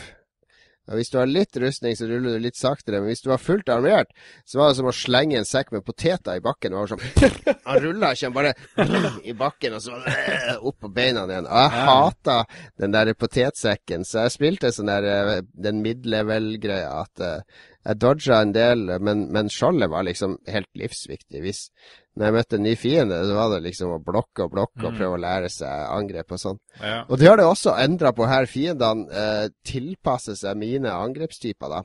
Hvis jeg bare angriper på en måte, så kommer de med motangrep og, og og de får også nye angrep utover i spillet, da, etter hvert som du får mer noe som heter vision, som er en slags sanity fra Kutulu. Jo mer vision de får, jo mer sannhet ser du i verden. Eh, som Kutulu mi- mitt, ja, Hvis du husker rollespillet Call of Kutulu, så har du en sånn der skill som Selvfølgelig heter husker jeg rollespillet Call of Cthulhu. Cthulhu Mythos, som er hvor mye du kan om, eh, om eh, den grusomme sannheten bak verden. Og jo mer du får i den skillen i Bloodborne Jeg har ikke kommet så langt, den har bare sånn 15 eller 16 i, i den der eh, insight-skillen. Jo mer, jo mer forandrer verden seg. Altså Det skjer nye ting. Det dukker opp fiender steder som de ikke sto før, og noen fiender får nye moves og sånne ting. Uh, så det er en veldig kul måte å gjøre verden mer leva, eller å utvikle verden på, ikke så statisk. Men, men jo, hvorfor gidder folk å spille sånne her megadeprimerende spill som Bloodborne og Dark Souls og alle de der? Jeg vet ikke, er det er jeg ikke hardcore nok, eller hva er det som gjør at jeg ikke har sånn veldig lyst til å prøve de her greiene? Nei, jeg vet ikke hva som er mest deprimerende. Å spille det samme Spille det, det samme striket 20 ganger på rad i håp om at det skal droppe en kul gunner. Eller å faktisk utforske en kul by og mestre Jeg hører ikke, jeg har noen problemer med transmission her, jeg vet ikke. Men eh, jeg spiller det fordi at det er en enorm, enorm mestringsfølelse i det spillet når jeg kontrollerer figuren min og våpnene. Og våpnene er dødskule. Det, altså, det er den gunneren, og så har du sånn håndvåpen i høyre hånd. Og alle våpen har to moduser. Du kan trykke på venstre skulderknapp, så forlenges våpenet på et vis. Eh, Da får du lengre range, sånn, og så kan du selvfølgelig lage komboer der du angriper med våpenet kort, og så åpner du det, så angriper han med langt. Eh, det er masse, masse kule muligheter med våpnene. Og det ene våpenet har De du begynner med, det er en sånn øks som du kan gjøre lenger, og så får du en sånn der switchblade som du kan gjøre lenger. Det er ganske tradisjonelt. Men så kjøpte jeg en gigantisk hammer, da. Og den er bare et sverd. Altså Når jeg skal gjøre den lenger, så tar altså, hammeren er på ryggen, da. Så tar han sverdet bak i hammeren, og så løfter han frem hele hammeren. Så sverdet er liksom slira til hammeren, da. Utrolig kule våpen. Og den hammeren er helt annerledes enn å slå med sverdet. Jeg ser det her, det ser ufattelig urealistisk ut. Eller en terningkast to. Nei, Terningkast to for eh, urealisme. Det er fantastisk. Og den arkitekturen er I Dark Souls 2 var mange som klaga over at eh, det var for separate verdener. Det bransja ut i forskjellige verdener. Da. Det hang ikke sammen nok. Men nå er det sånn at hele spillet er en gigantisk labyrint. Så i hodet mitt nå så har jeg liksom startområdene i, i Bloodborne. De kjenner jeg godt. De har jeg gått opp og ned. Jeg ser sammenhenger. Og når du står oppe i tårn og ser ser et bygg eh, to kilometer unna, og når du seks timer senere står i det bygget og ser tilbake til tårnet du var i, det er en ganske kul følelse, faktisk. Det er utrolig sammenhengende verden. Men der nevner du eh, liksom et av mine sånn ankepunkt med Dark Souls 2, da. Eh, som er dette For du sier du har vært veldig mye i de startområdene. Eh, eh, problemet mitt med spillet var at eh, de spawn pointsene når du da døde, noe du gjør ganske mye, Mm. at det, de var ofte plassert veldig langt unna der du døde. Sånn at eh, du Hver gang du døde, så var det liksom ganske mye du måtte gå gjennom om og om og om igjen før du liksom kom tilbake der egentlig skoen trykker, da. Eh, som gjorde meg veldig utålmodig når jeg spilte spillet. Eh, spesielt siden det er et sånt spill der du ikke kan ta lett på noen kamper, fordi alle kan potensielt drepe deg, eller i hvert fall Ja skade sånn deg. Men det, er- det er ganske uh, Men er det sånn her òg, eller har de vært snillere på Ja, Du finner jo sånne lamper da, som er uh, disse portalene til drømmeverden, som liksom er huben til spillet. Eh, så du, du kan spåne ganske mange steder, men de er ikke sånn veldig tett ved hverandre. Det er ikke. Det er ofte litt avstand av traverse. Men det er ehm, De gatene er ikke så Det er ikke så trange områder, i hvert fall ikke i den startbyen, så det er ikke noe problem å løpe forbi en eh, syv, åtte, ni monster for å komme dit du var, da. Du får en del monster etter deg, da, som kan være utfordrende. Men hvis du skal hoppe ned noen stiger og litt sånne ting, så klarer du kanskje å riste de av deg. Men det er ikke noe poeng i at du må ta alt på veien din. Det går fint an å snike seg forbi folk og monster og løpe forbi og sånne ting for å komme deg dit du var hvis du dør. Jo, men Hvis hvis du- er i en sånn bossfight, så, er det, så har du liksom tenkt deg ut, ikke sant? Da Ja, de måte- bossene jeg har tatt, der har det vært spawn point rett attmed, så det har ikke vært noe problem. Det er Ok. eh, to minutter å gå tilbake til bossen. Det, det er ikke noe stress.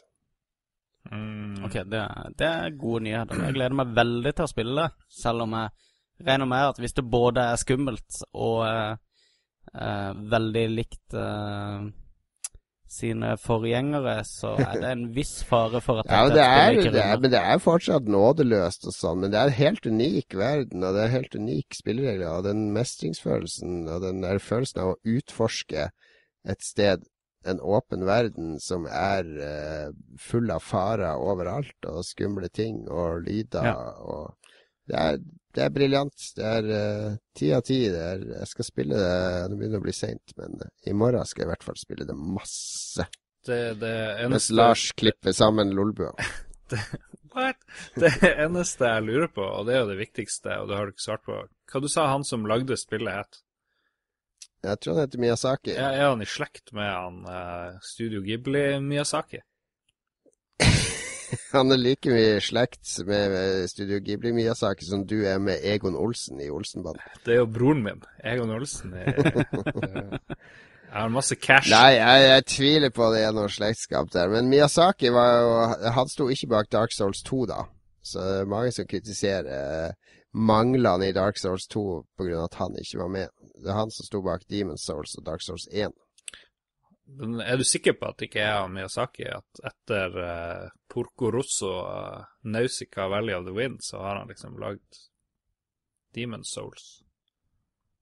Sannsynligvis så har han uh, i hvert fall uh, okay. vært Jeg med. bare lanserer teorien.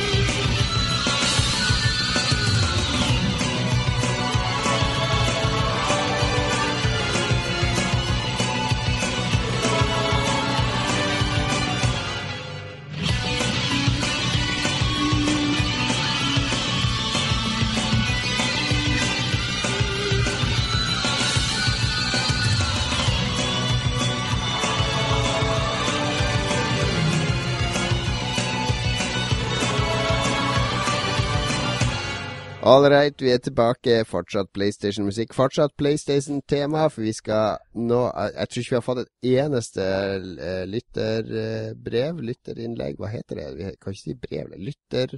Lytter digitale Lyttermelding, ja. Takk skal du ha, Magnus. Vi har ikke fått en eneste lyttermelding som ikke havner om temaet i dag, som er PlayStation. Det var tydelig at, tydelig at vi traff mange PlayStation-hjerter. Og apropos hjerter Lolbuas hjerte ligger i Harstad. Det banker hardt i brystet til Lars. Jeg skrur av her. Et hjerte som banker for spill, for games, for spillkultur. Jon Cato, du er en idiot. Du skal bestandig ha sånn lang, krasig leder, intro på det. Lars Rikard Olsen. Ok, Jon Cato, moron. eh. Skal vi se. Vi har da lytterspalten, og dessverre så har Jon fått det for seg at han skal bruke ti minutter på å introdusere den her trasige Eller det er jo en fin lytterspalte, unnskyld. Ja, Jon er trasig. Men OK, whatever. Vi kjører på med vår venn Torbjørn Vik Solbakken. Hva syns vi om at Torbjørn har tatt Vik som mellomnavn med bindestrek?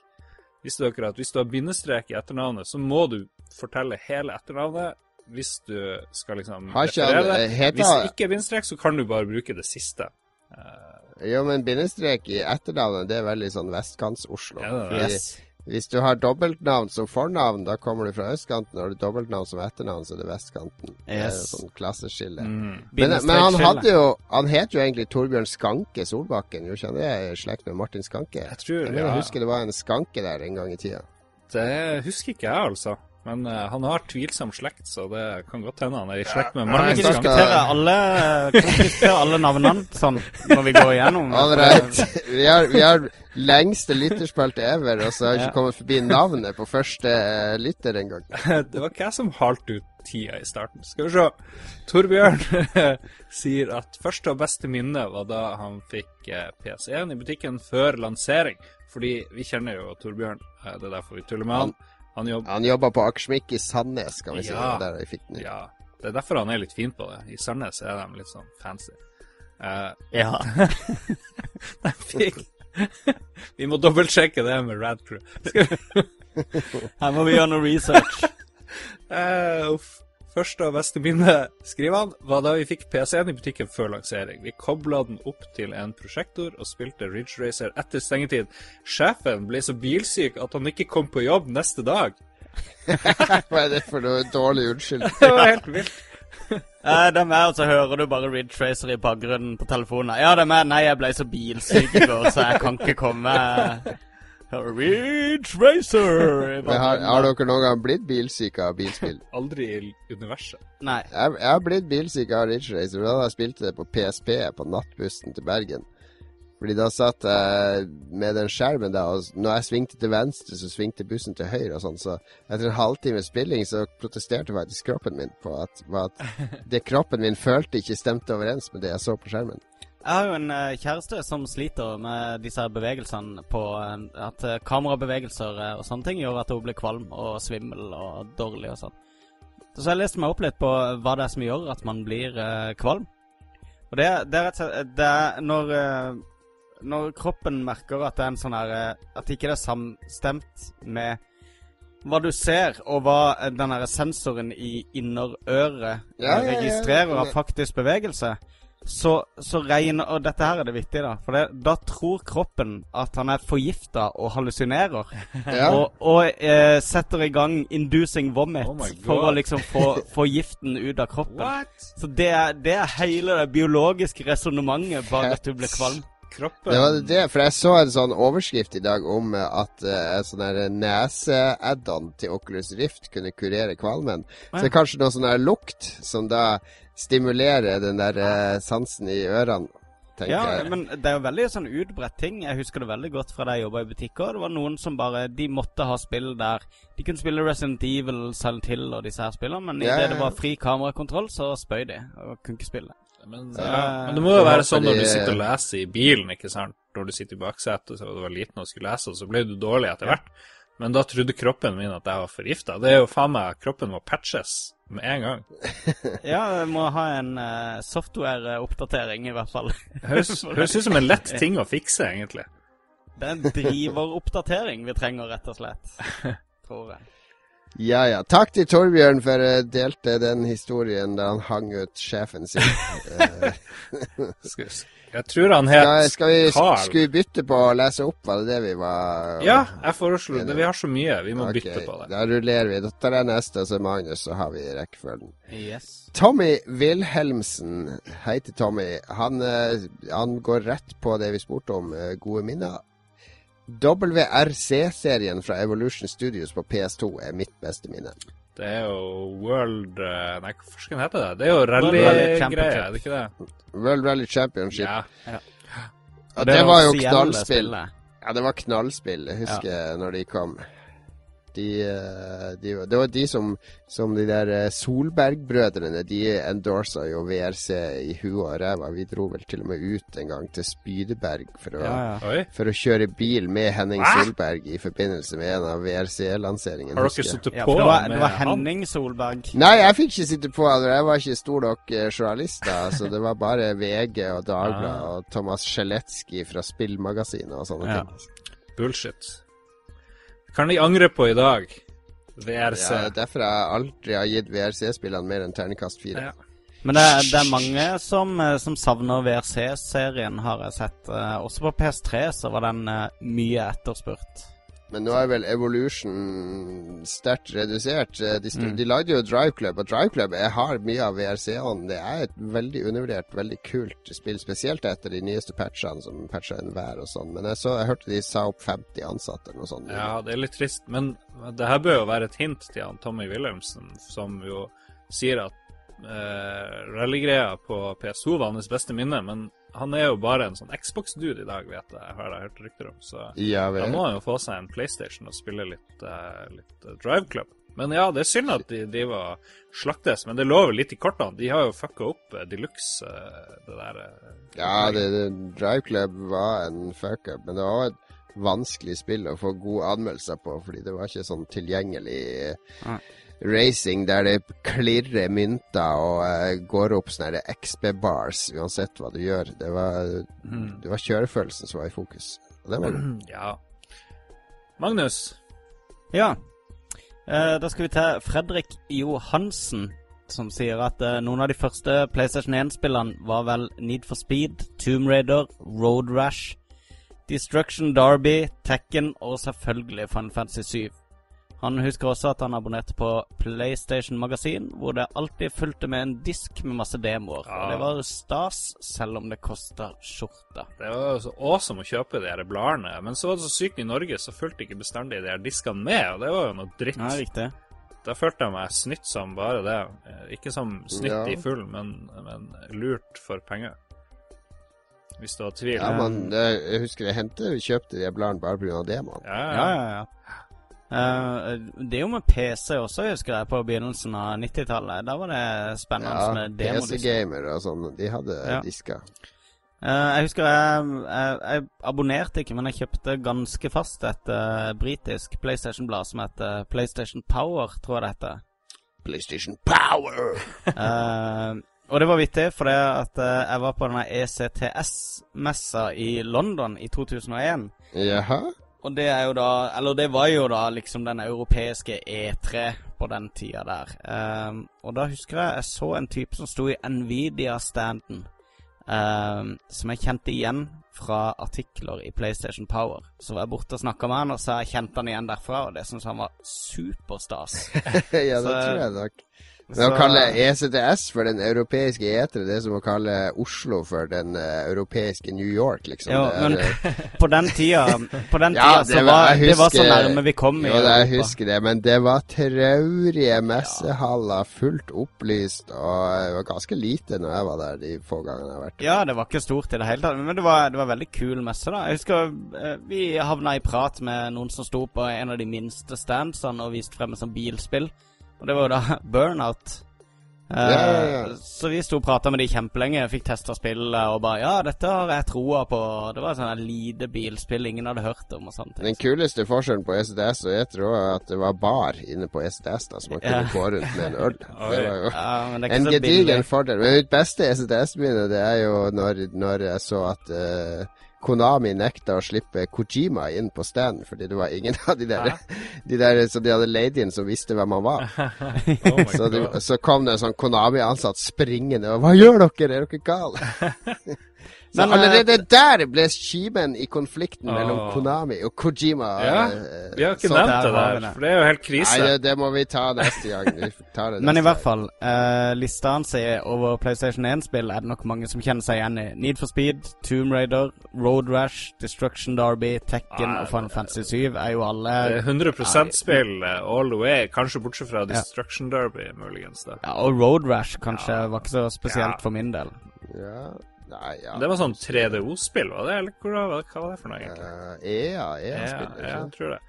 OK, da er det min tur, men Men det er mange, mange som, som drømmer om en ny Road Rash, faktisk. Det, er, det er på, ofte dukker opp i forum som spill folk ønsker en remake av. Mm. Eller en ny versjon. Og som ingen kommer til å kjøpe. Riktig. Han Eirik Berntsen sier PlayStation testa jeg for første gang hos en kamerat av meg. Fetteren hans hadde skaffa maskin, og han tok naturligvis med seg den nye konsollen på søndagsbesøk. Eh, Jeg kan faktisk ikke huske at vi spilte noen spill da, men han kjørte et par tech-demoer som jeg tror fulgte med konsollen. Den ene dreide seg om å kikke på en T-rex, en Tyrannosaurus rex som spankulerte rundt, og den andre inneholdt en svømmende djevelrocke. Det var vel den som drepte han Steve Irwin, var det ikke det? Men uansett. I til... Jeg tror ikke det var den i demoen som drepte Steve Det hadde vært awesome. Uh, Det hadde vært helt vilt. I tillegg husker jeg han var opptatt av å demonstrere maskins mulighet til å spille musikk-CD. Uh, mine beste spillminner fra konsollen er nok Final Fantasy 9, Castlevania, Symphony of the Night, Medal of Honor Medal of Honor har vi ikke nevnt hittil. Det var jo stort. Nei, det er Um, Metal Gear Solid, som vi heller ikke har sagt så mye om, og Final Fantasy 7. De to førstnevnte, altså Final Fantasy 9 og Castlevania, er fortsatt blant mine to absolutte favorittspill. Final Fantasy 9 mm, det var, var det sånn nesten 2D-aktig grafikk i det? Eller litt sånn Ja, det var sånn hadde- uh, litt barnlig grafikk. Det Ja. Det der Vivi var han der uh, trollmannen med som var sånn svart ansikt Ja. med to lysende øyne Ja. og hatt og sånn. Jeg likte det Jeg veldig godt. jeg hadde en sånn promo-cutout av Vivi på veggen, faktisk, uh, i, i en av leilighetene jeg bodde. Og Jeg syns han var så kul. Hva- Han ligna på uh, uh, Hva heter det for noe? Sorko? Var det han heter? He-Man? Han derre uh, lille Ja, ja, ja, han lille der. Men det, det er jo sånn Final Fantasy 7 ikke sant? det var jo en sånn der, eh, litt sånn klønete videreføring, av spritene fra, fra Super Nintendo. Ja. Og så kom Final Fantasy 8, og da ble det plutselig sånne superrealistiske Høye, lange karakterer, liksom, der alle skulle se ut som cosplayere, basically. Og så kom nieren, da, som var tilbake til litt sånn barnlig, eh, eventyraktig. Så, så de eksperimenterte litt med uttrykkene der. Ja. Jeg elsker den visuelle profilen til Final Fantasy 9. Ja. Jeg prøvde veldig hardt å digge spillet, men det er liksom i ettertid så har jeg bare innsett at uh, det er egentlig bare syveren jeg har likt. I hvert fall eh, fra den uh, konsollgenerasjonen. Åtteren Ja. var heller egentlig ikke så veldig bra, syns jeg. Nei, åtteren eh, Vi kjenner jo Chris, han er veldig glad i åtteren. Men jeg kjenner også mange som er veldig glad i nieren. Jeg tror Carl i Level Up, han har nieren som en favoritt. Kanskje nieren er litt lik Kingdom Hearts i sånn uttrykk og Jeg husker da jeg flytta til Oslo, så var jeg innom på Spiderman, og da så jeg Chris, som da hadde samme sveis og eh, frakk som Squall, eh, hovedpersonen Squall i Final Fantasy 8. Hvem er han der Chris eh, som dere snakker om? Er han fra utlandet siden han heter Chris? Ja, han er fra fire land. Eh, eh, en eh, skikkelig miks. Nei da, eh, Oslo-gutt. Eh, Jobber på Spiderman. Jobber på Spiderman sammen med. Og, eh, Multilingual, prater flytende japansk, tysk, engelsk og norsk. Yes, og eh, en av Han er vel en av Europas beste Virtua Fighter-spillere. Ja, og det er eh, han definitivt. nordisk mester i Tekken har han vel også blitt. Han må jo ha flink Han må jo ha asiatiske gener, bare for å være litt Han har smårasistisk. eh, gener fra to asiatiske land. Uh, super combo! Jesus. Ja, ja, Ja, ja. men la oss uh, glemme det. Final Fantasy. Han snakker jo også om Castlevania Symphony of the Night. Mm. Å, jeg driter sånn i Castlevania! Nei, men det var så kult når det kom på PlayStation, fordi eh, fordi PlayStation hadde jo sånn her eh, profil med at de ville ikke ha 2D-spill. Det var mange som ble nekta Ja. å lage 2D-spill på den. Du hadde liksom Rayman, og så var det ingenting mer. Så Castlevania, det var, eh, det var så kult når det kom, fordi det var 2D. Jeg husker jeg digga det så mye, fordi endelig slapp jeg den klønete 3D-grafikken som jo mange spill hadde. Og mange 3D-spill var halvhjerta, og, eh, og det her var så gjennomført, polert og fett. Mm. Ja. Det, det digger jeg vilt. Det eneste som er surt med Castlevania Symphony of the Night, for alle som digger det på PlayStation, det er at Saturn-versjonen har to ekstra områder integrert i kartet og mer musikk, men den er dårligere teknisk. Men jeg hadde begge to, husker jeg. Jeg spilte begge to. Det var jo ikke som om spillet var for kort, for å si det sånn, da. I utgangspunktet.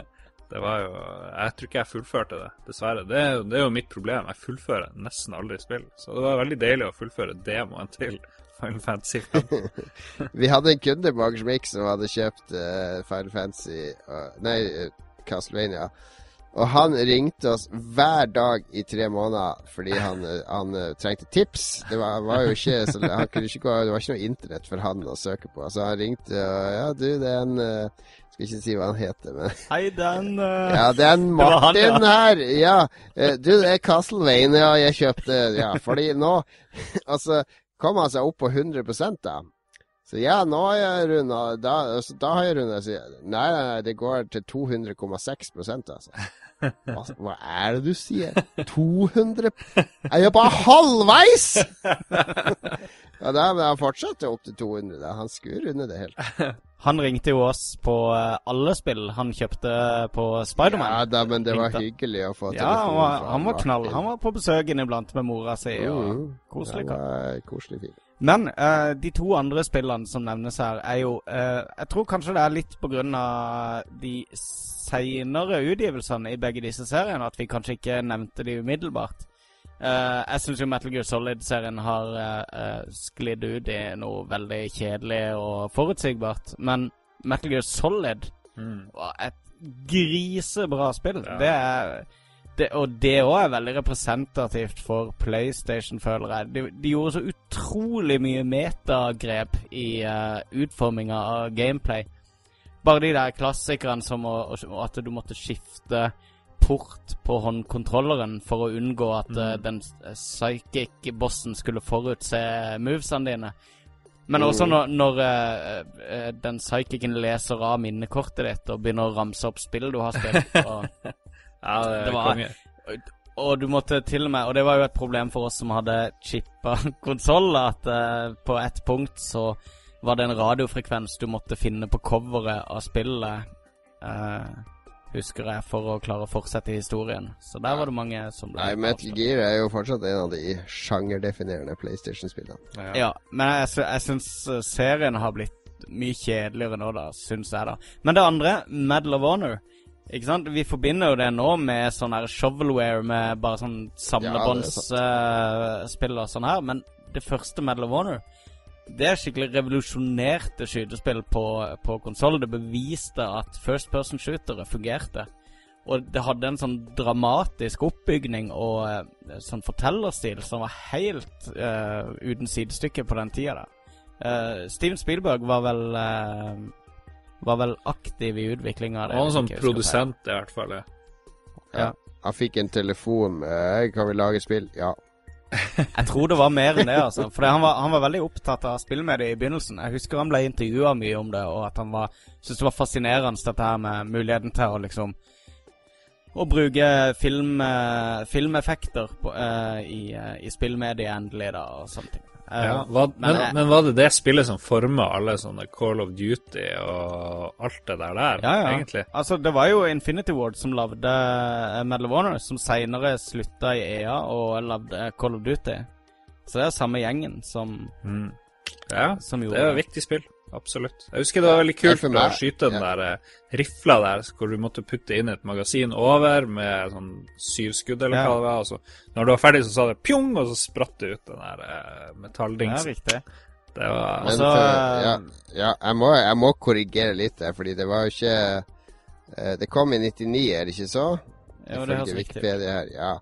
For det var ikke det som definerte at FPS funka på konsoll. Det var Det skal jaggu Golden High ha æren for. For det var Jo, Golden okay, High som viste oss at Ja. FPS er dritfett på konsoll. Så, så, Ja, den er jeg med på. så gi den ikke den æra. Det var et kult spill, da, men, men ja. Men det var i hvert fall en veldig sånn øyeåpner for min del. Uh, og uh, det kan vi i hvert fall si at det la grunnlaget for andre verdenskrig-shootere i lang, lang tid Ja, etterpå. herregud. Det gjorde det, sammen med Call of Duty, ja. Ja, og, ja, men som også kom i kjølvannet av Medal of Honor. Det ble veldig mye andre verdenskrig etter hvert. Det tok jo aldri slutt. Ja, det er altfor mye, og det var jo, det var jo på grunn av suksessen til Medal of Honor. Eh, eh, og eh, hva heter det andre? Jeg husker ikke hva det heter. Toeren som kom på, eh, på PlayStation, det òg. Det var liksom ikke en toer. More, more medals, heter det. Mm. uh, Medal of Valor. var det vel. Men um, hva var det jeg skulle si? Nei, samme det. Vi kan gå videre. Tom Wilhelm Ødegaard uh, blir Tom. fast uh, Lolbua-lytter, og jeg, jeg melder med han hver måned når det er nye Amibos ute.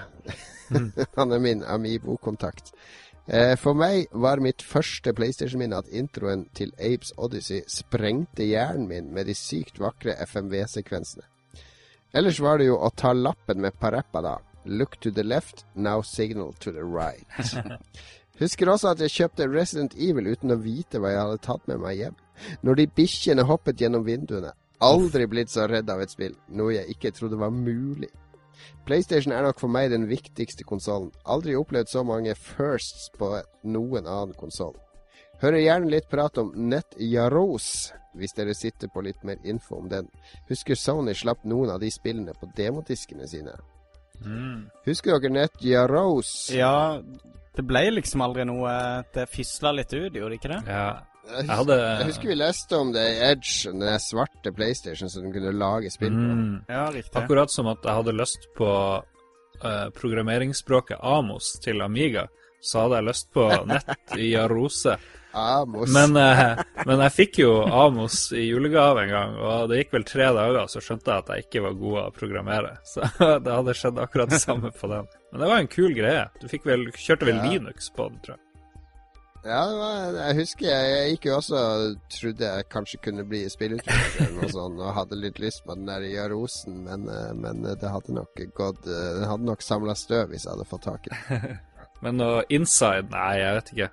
Dessverre. Vi, er- vi er ikke så veldig praktisk sånn sett, tror jeg. Jeg vet ikke om du vet dette, Tom, men eh, det var altså en svart PlayStation. Så da har du eh, trivia. Jeg eh, tror han vet mer enn oss om den der greia. Ja, Jeg kan det- garantere deg at Tom vet mer enn oss om, eh, om den.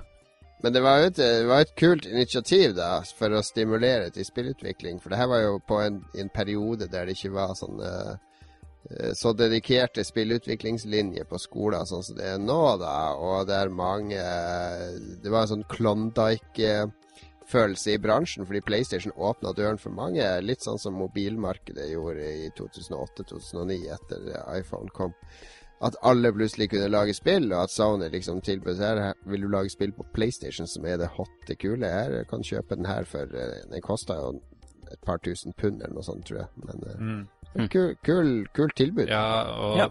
Sony var jo ganske oppfinnsom. De var vel først med sånn iToy og mikrofoner til Singstar og alt mulig rart, egentlig. Mm. Hvem sin tur er det å lese opp? Det er det Magnus. Det er min tur. Det er Tore Tjoho som eh, forteller eh, om at han leide PlayStation og Tekken 2 fra en kiosk i Tromsø. Som deres felles venn Knut skulle returnere. Det gjorde han ikke, og han ble forbanna. Snakker vi om våre Knut her? han ble banna. Han ble ikke forbanna.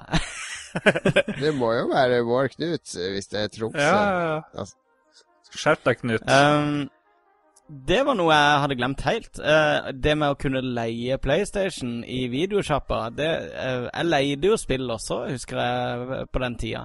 Det var liksom en måte å teste ut spill på eh, på 90-tallet. Og eh, vi leide en PlayStation òg en gang, husker jeg, sammen med var det, Tomb Raider eller noe sånt, og spilte eh, en lørdag. Mm. Det er noe som ikke skjer så veldig lenger. Jeg husker det allerede da jeg flytta til Oslo, så var det noen videosjapper som fremdeles levde på den tida, som, som, som hadde et lite sånn, en lita hylle med, med PlayStation-spill til utleie. Som alle bare leide og kopierte. mm. Var det på, var det på Video Nova? Uh, ja, Videonova De solgte Jeg vet ikke om de hadde spill utleie. Men det var en på Birkelund, blant annet. Ei videosjappe der.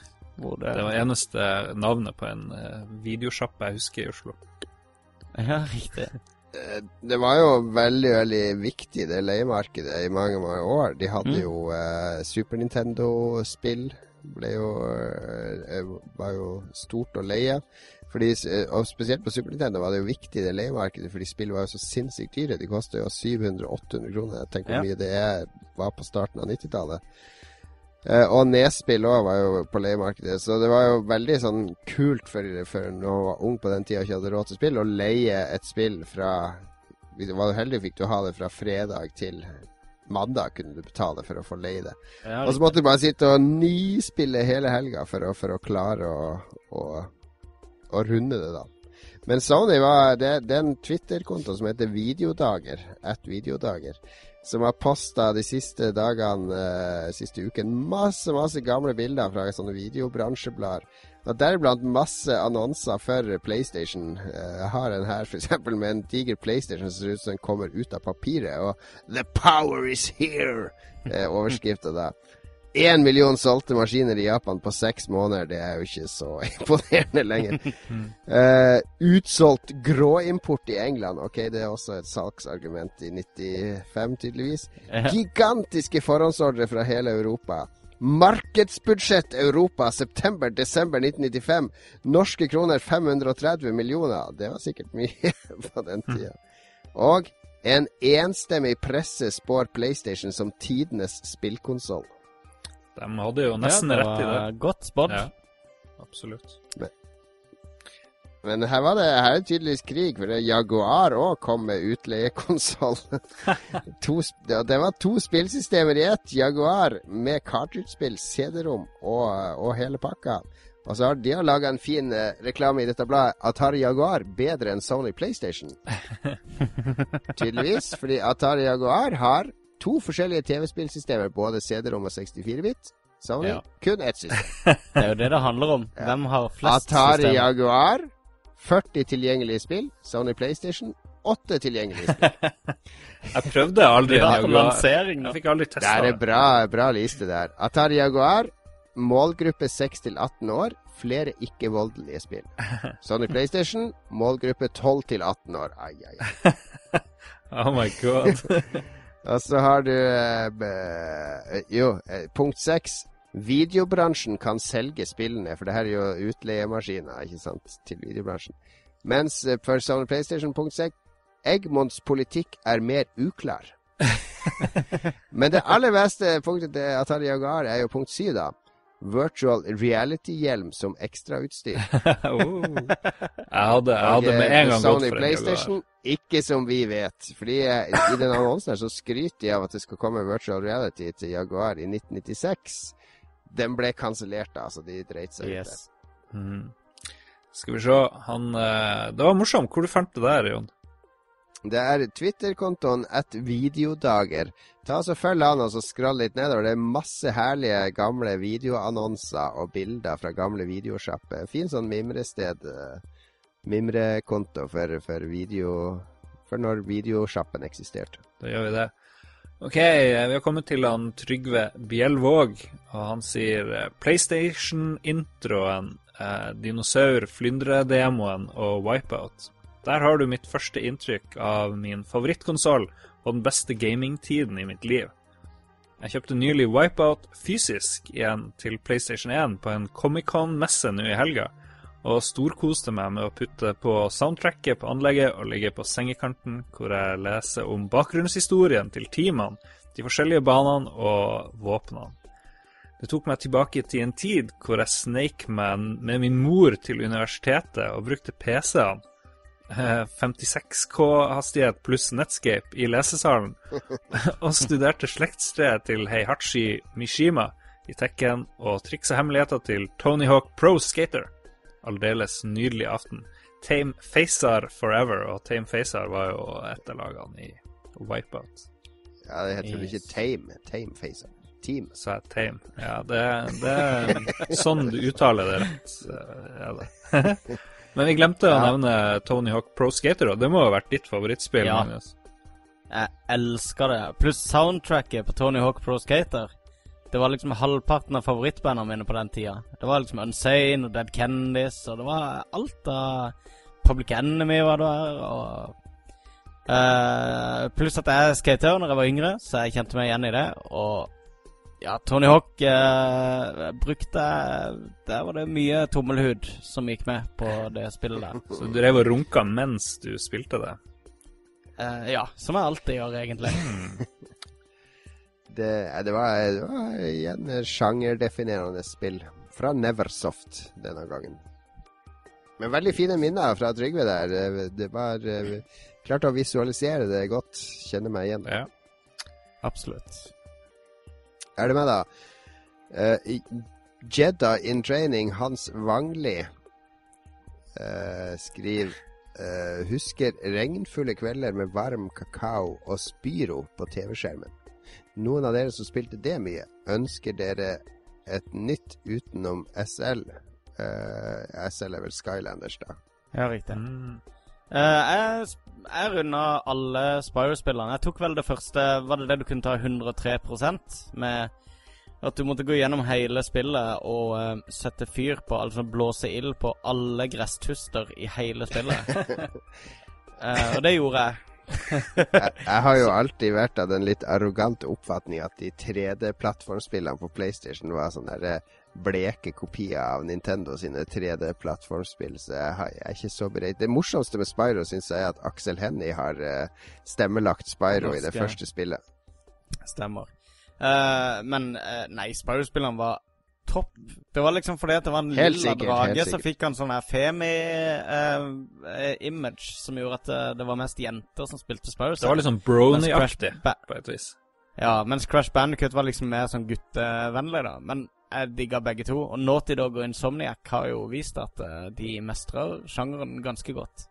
Mm. Jeg, jeg savner ja, Jeg skulle gjerne spilt et nytt uh, Spyro-spill, og jeg skulle gjerne spilt et nytt uh, Crash Bandicut-spill uh, som, som ble lagd av Naughty Dog, da. Men uh, det tror jeg aldri vi kommer til å se. Svunnen tid. lenge- Men spør du Naughty Dog, så sier de aldri si aldri. Fordi de kan aldri si nei, det skal vi ikke lage. Nei. Det er, det er en sånn spillbransjesykdom. Mm. Da er det vel eh, min eh, tur. Da Kjør. er det Sten Tony Hansen eh, som forteller eh, Han var på besøk hos søskenbarnet sitt den dagen han hadde fått PlayStation 2. Tøff som jeg var, forsøkte jeg å starte konsollen. Det klarte jeg ikke. Da sa han at dette er akkurat som en datamaskin, og trykte på hovedbryteren der bak.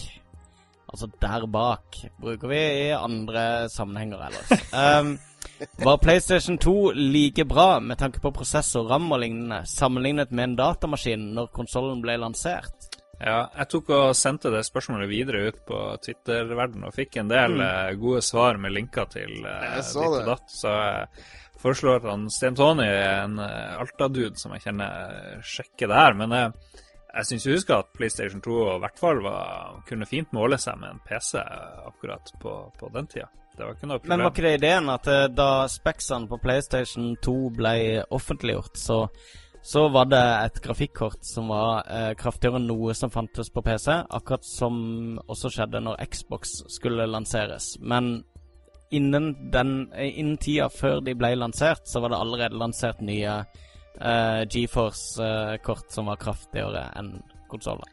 Så jeg mener å huske at, eh, at eh, at eh, det har vel aldri skjedd at uh, konsoller har blitt lansert med sterkere specs enn eh, PC-markedet har tilbudt. Men de var i hvert fall veldig close med PS2. Du glemmer jo at PS2 hadde Emotion Engine. Eh, Den hadde Emotion Engine, som vi Ja, og aldri så fikk sett glemmer du til. at Saddam Hussein styrte raketter med ja, PlayStation 2. han, han kjøpte Ja. 4000 ifølge ryktene PlayStation 2 for å lage en supercomputer. Og det tror jeg på. Det Men vi skal ha et eget PlayStation 2-program, er det ikke det vi kom på? eh? Ja, Det er litt for mye å ta begge på en gang. absolutt. Ja. Så vi, eh, vi, vi, vi, vi tar med Stan Tony i den kommende PlayStation 2-spesialen nå. Ja, det kan vi gjøre. Hvem sin tur er det nå? Jeg mister jo helt Det er oversikten. det, Lard. Ja, det, er som, det, er du, det er din spalte, så du må ha, når du delegerer ansvaret, så må du i hvert fall ha kontroll Ja. på hvor Jeg tenker hvor- vi bare gir ordet tilbake igjen til Lars, så kan han uh, avslutte. Ja, han kan ta resten. Ja, Nei, nei, nei. Da, da har vi vært inne og vikariert litt. Nå har vi letta, letta byrden betraktelig for deg, Lars. Jeg vet. Nå uh, føler vi at nå er du på stø kurs, og du har igjen ro. Det er fordi du ikke vil lese opp novellen til uh, Marius, som kommer tre hakk lenger Så ned. Så er jeg ikke. Det kunne ikke vært grunnen. Uh, skal vi se. Vi tar nå først han René Bjerknes Olsen, som sier at uh, alt ved demo 1 uh, Det var vel kanskje den første demogreia, da. Ja, den selvfølgelig. Ja, og se broderen spille Riktig. Resident Evil og Clock Tower. Eh, liker han med PlayStation 1. Eh, digga å se han game, selv om det var sykt skummel. Jeg var fire år da vi fikk PlayStation i 97. Oi, oi, oi. Jeez Louise. Det, er ondt. Ja, tenk at du husker det. Det er jo helt vilt. Jeg husker ingenting. Ja, tenk at du satt og så på Clock Tower og Resident Evil da du var fire år. Ja, det er flott. Han, eh, jeg tipper Altså, mine unger satt og så på når jeg spilte Bloodborne her om dagen, så det, det, det går fint hvis man begrenser litt hva man gjør. hmm, Bloodborne er for øvrig bare 16 år. passer fint til åtteåringer, altså. Så lenge det er to av de. Ja, kan de holde rundt hverandre og trøste hverandre i frykten. Riktig. Jon Cato, vær så god. Ja, det er, er ok, det. Jan Christian Heigel, eh, vår mest trofasteste lytter fra Bergen, hadde aldri PlayStation 1 eller PlayStation 2, så når jeg endelig hadde fått meg en PS3, og God of War 1 og 2 kom ut rett før 3, var det beste. Runda begge samme kvelden. Jeg kjøpte de slik at jeg var klar til treeren. Superspill. Hva i all verdens slags dialekt var det der? Han, er- han skriver jo på dialekt, som vi har snakka om tidligere, så den må jo lese det på dialekt. Du leste jo ikke bergensdialekt, tror jeg. Nei, Det var litt lenger nord da, tror jeg. Glem det, glem det. Men, eh, men Jan Christian er jo hardcore Xbox-fan. Sånn Han er jo det. Ja. Så, men han har altså vært innom PlayStation 3. Ja, og så nevner han God of War, som vi ikke eh, har nevnt hittil. Hmm. Ja, Det er fordi det kom aldri på PlayStation 1, Ah. som er temaet for Ah. dagen. Det er riktig. Ja, og da har vi kommet til uh, siste, Siste. taler. Og da Siste, siste taler, ja. Og uh, uh, Dette er et lengre leserinnlegg fra Marius Leirånes. Det det er nesten en kronikk, vil jeg si. Ja, som riktignok begynner innleder med eh, å si at eh, jeg tror denne ble litt for lang. Jeg sender den heller her. Ja, han sendte en sånn privat melding til Facebook-greia Yes. vår. Ehm, ja, og det lyder som følger. Det var sommeren rundt 97, eller var det 98? Husker ikke nø- nøyaktig. Uansett, jeg var rundt 11, eller var jeg kanskje 12? Spiller ingen rolle. Saken var den at jeg sto opp en tidlig morgen en eller annen helg, og løp bort til en kamerat av meg for å spille Battle Arena Toshinden på PlayStation. Sola skinte mens jeg løp bortover veien med en brødskive smurt med Sunda i hånda. Jeg ankom destinasjonen. Flere som husker at når de skulle besøke venner da de var små, så løp de lange distanser. Det var en liten digresjon der. fin observasjon. Absolutt, og det kan jeg i hvert fall kjenne meg igjen i. Vi satte oss ned og skulle spille, da det plutselig dukket opp en helt annen logo på skjermen. Det sto Squaresoft. Vi skulle nemlig spille Battle Arena Toshinden, egentlig. Det som var greia, var at storebroren til kompisen min hadde spilt et annet spill, som da tilfeldigvis lå i maskinen. Vi åpna luka og tittet spent. Final Fantasy 7. Hva var det? Uansett så måtte vi prøve. Jeg hadde aldri spilt et JRPG. Så dette var helt nytt for meg, men fy fader. Dette spillet var greier, altså. Med mye masing så klarte jeg omsider å få byttet til meg dette spillet Nei, å bytte til meg dette spillet fra kompisen min, som måtte si til sin eldste bror at spillet var rota vekk. Oi sann. Tricky. En helg, mange helger etter, dro jeg til mine besteforeldre. Det var da det skjedde. Etter en tragisk hendelse i spillet ba plutselig spillet meg om å bytte inn disk 2. Hva var dette for noe trolldom, tenkte jeg. Jeg hadde verken flere disker, cover til spillet eller noen form for manual. Jeg fikk bare denne ene disken i en brødpose da jeg byttet den til meg. Det, det, det har vi sett før. Hele livet mitt raste sammen da jeg ikke skulle få fortsette med spillet, og ikke minst etter en så fatal slutt. Etter mye grining og en muntlig avtale angående noe hagearbeid, så kjørte bestefar meg i den lokale spillsjappa. Så jeg fikk kjøpt hele spillet. Kort sagt, min beste sommer ever. Så spør han, kan dere diskutere litt rundt Final Fantasy 7, 8 og 9? Det skulle jeg gjerne likt å høre på. Har dere fått med deg at eh, Nobu Uematsu har fått realisert sin drøm med å få spille inn album på selveste Abbey Road Studios? Fantastisk skive med navn Final Symphon. Det visste jeg er kanskje Final Symphony. Nei da. Dere er knall. Stå på. Tusen takk, eh, Marius. Du er knall, Marius. Du er knall. Mm. Du er knall. Det var en fin historie. Det toucher innom uh, så mye sånne her ting, som bekymringer fra barndommen. Det der Ja, ja. Med, med at spill var så dyrt og uoppnåelig, og, og, og ikke sånn som det er nå, der vi bare kjøper det vi vil ha uansett, eller får tilsendt ting. Og eh, nå som eh, Final Fantasy 7 er Da er det vel 18 år gammelt i år, så tror jeg det er greit at vi spoiler handlinga på disk 1. det er vel greit, det. Og at eh, vi kan jo ta opp dette her eh, En av de store eh, Et store samtaleemnene på PlayStation 1-tida var jo da eh, Eris dør i Final Fantasy 7. Er det, det er etter disk 1, det, ja. Det, det er det sluttet slutter disk 1. Det er fordi han må ha vært ekstra heartbroken når han ikke får fortsette. Folk skrev på internett at eh, de grein åpent, og det var eh, Folk tok seg veldig nær av det. Og det, det var jo veldig lenge et rykte som gikk om at eh, det var mulig å unngå at, eh, Mm. at Eris skulle dø, skulle dø i løpet av spillet. Jeg husker jeg var mest sint da Eris døde, for jeg brukte henne i teamet mitt. Hun var bra, en bra healer. Gi meg hadde- tilbake det utstyret jeg ga deg. Ja, så jeg hadde equippa henne med masse sånn materia som jeg hadde levela masse opp. Jeg, jeg spilte det spillet grisegrundig. Uh, det har jo vært innom og før. all Noen den materiaen, at- den gikk i elva sammen med Ja. Eris. Men noen mente jo at du fikk tilbake de materiaene, husker jeg. Nei, Eh, det gjorde du ikke. det? Nei, nei. Nei, så jeg måtte tilbake og loade i saving for å få tilbake. Og da hadde jeg typisk ikke sava på dritlenge, så da måtte jeg tilbake og gjøre det. Men det var, det var utrolig kult at de gjorde det, for det, det, det kom litt uventa. Og sånn permanent død i, i, eh, i spill. Altså fra Det var helt, spillbar eh, helt tabu i, i den bransjen, så det var, Ja. var, var Ja, det var sjokkerende, rett og slett. Det var det. Og eh, det- det var liksom som du måtte liksom, Jeg ringte en kompis med en gang har du, som hadde kommet lenger enn meg. der, Så bare Holy shit, Eris døde. så det var liksom Ja. Det er minneverdig øyeblikk, Mm. Absolutt.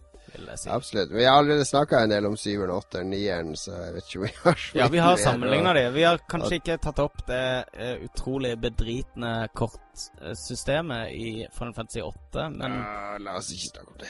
utover det så er vi ferdige. Men eh, Nob at Nobu Uematsu fortsetter å lage musikk og har fått spilt inn i Abbey Road, det er kult. Han har Mm. laga mye ikonisk musikk. Eh, Det går alltid minst tre Uematsu-låter i løpet av en spillquiz-kveld med meg og Magnus. Det gjør det. Og uh, altså, det å spille inn i Abbey Road er, uh, Det er veldig kult, selvfølgelig, for det var jo Beatles eh, hangout back in the day. Men det fins mange norske band også som har spilt inn i Abbey Road-studioet. Det er Ja, det er vel et studio, så det går vel an å legge Ja, seg ja men det er, det er faktisk ikke så sånn hardcore eksklusivt som en skulle tro, da, med tanke Nei, på okay, okay. rykter. Så vi må le oss inn der, altså, er det du sier. Vi skal ha Lolbua episode 100 fra Abbey Road Yes. Studio. Så i stedet for help, så skal det være LOL. LOL, I need somebody. Ja, så, så skal vi stå på coveret, og så skal vi lage sånn her eh, tegnspråk med LOL. Det har vært perfekt. Skal ikke vi gå over den der fotgjengerovergangen?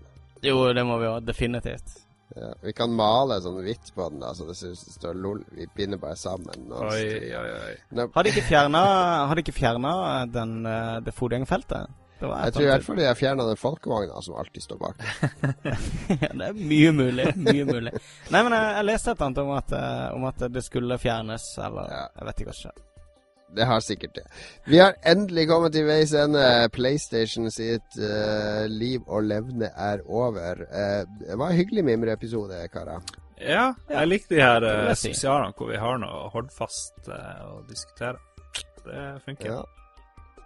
Funker veldig bra.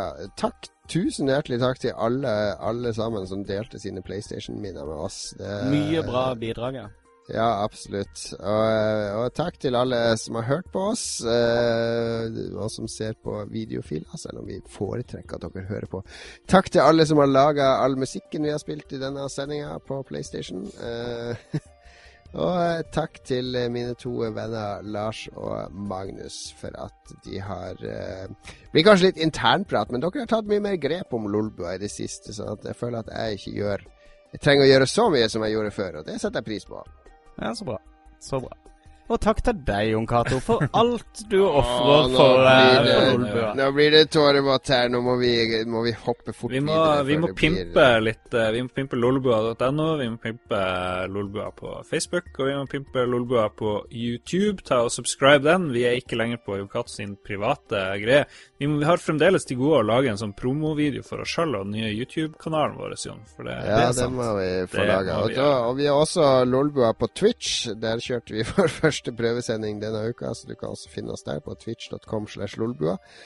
Der blir det Eh, mye gøy fremover, forhåpentligvis. Ja, vi får se hva som skjer der. Også, men i hvert fall følg med på YouTube, fordi der kommer eh, snart video fra Lars med splitter ny intro som jeg har mekka sammen, som jeg er veldig fornøyd med. Ja, det, det blir bra.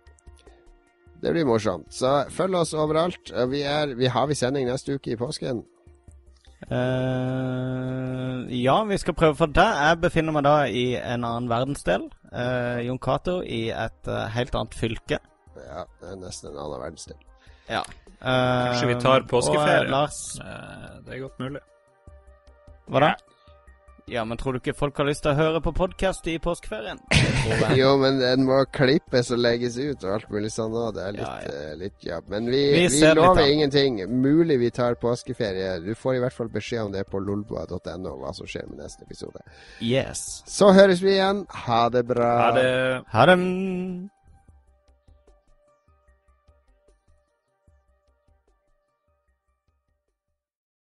Har du et enkeltpersonforetak eller en liten bedrift? Da er du sikkert lei av å høre meg snakke om hvor enkelt det er med kvitteringer og bilag i fiken, så vi eh, gir oss her, vi. Fordi vi liker enkelt. Fiken superenkelt regnskap.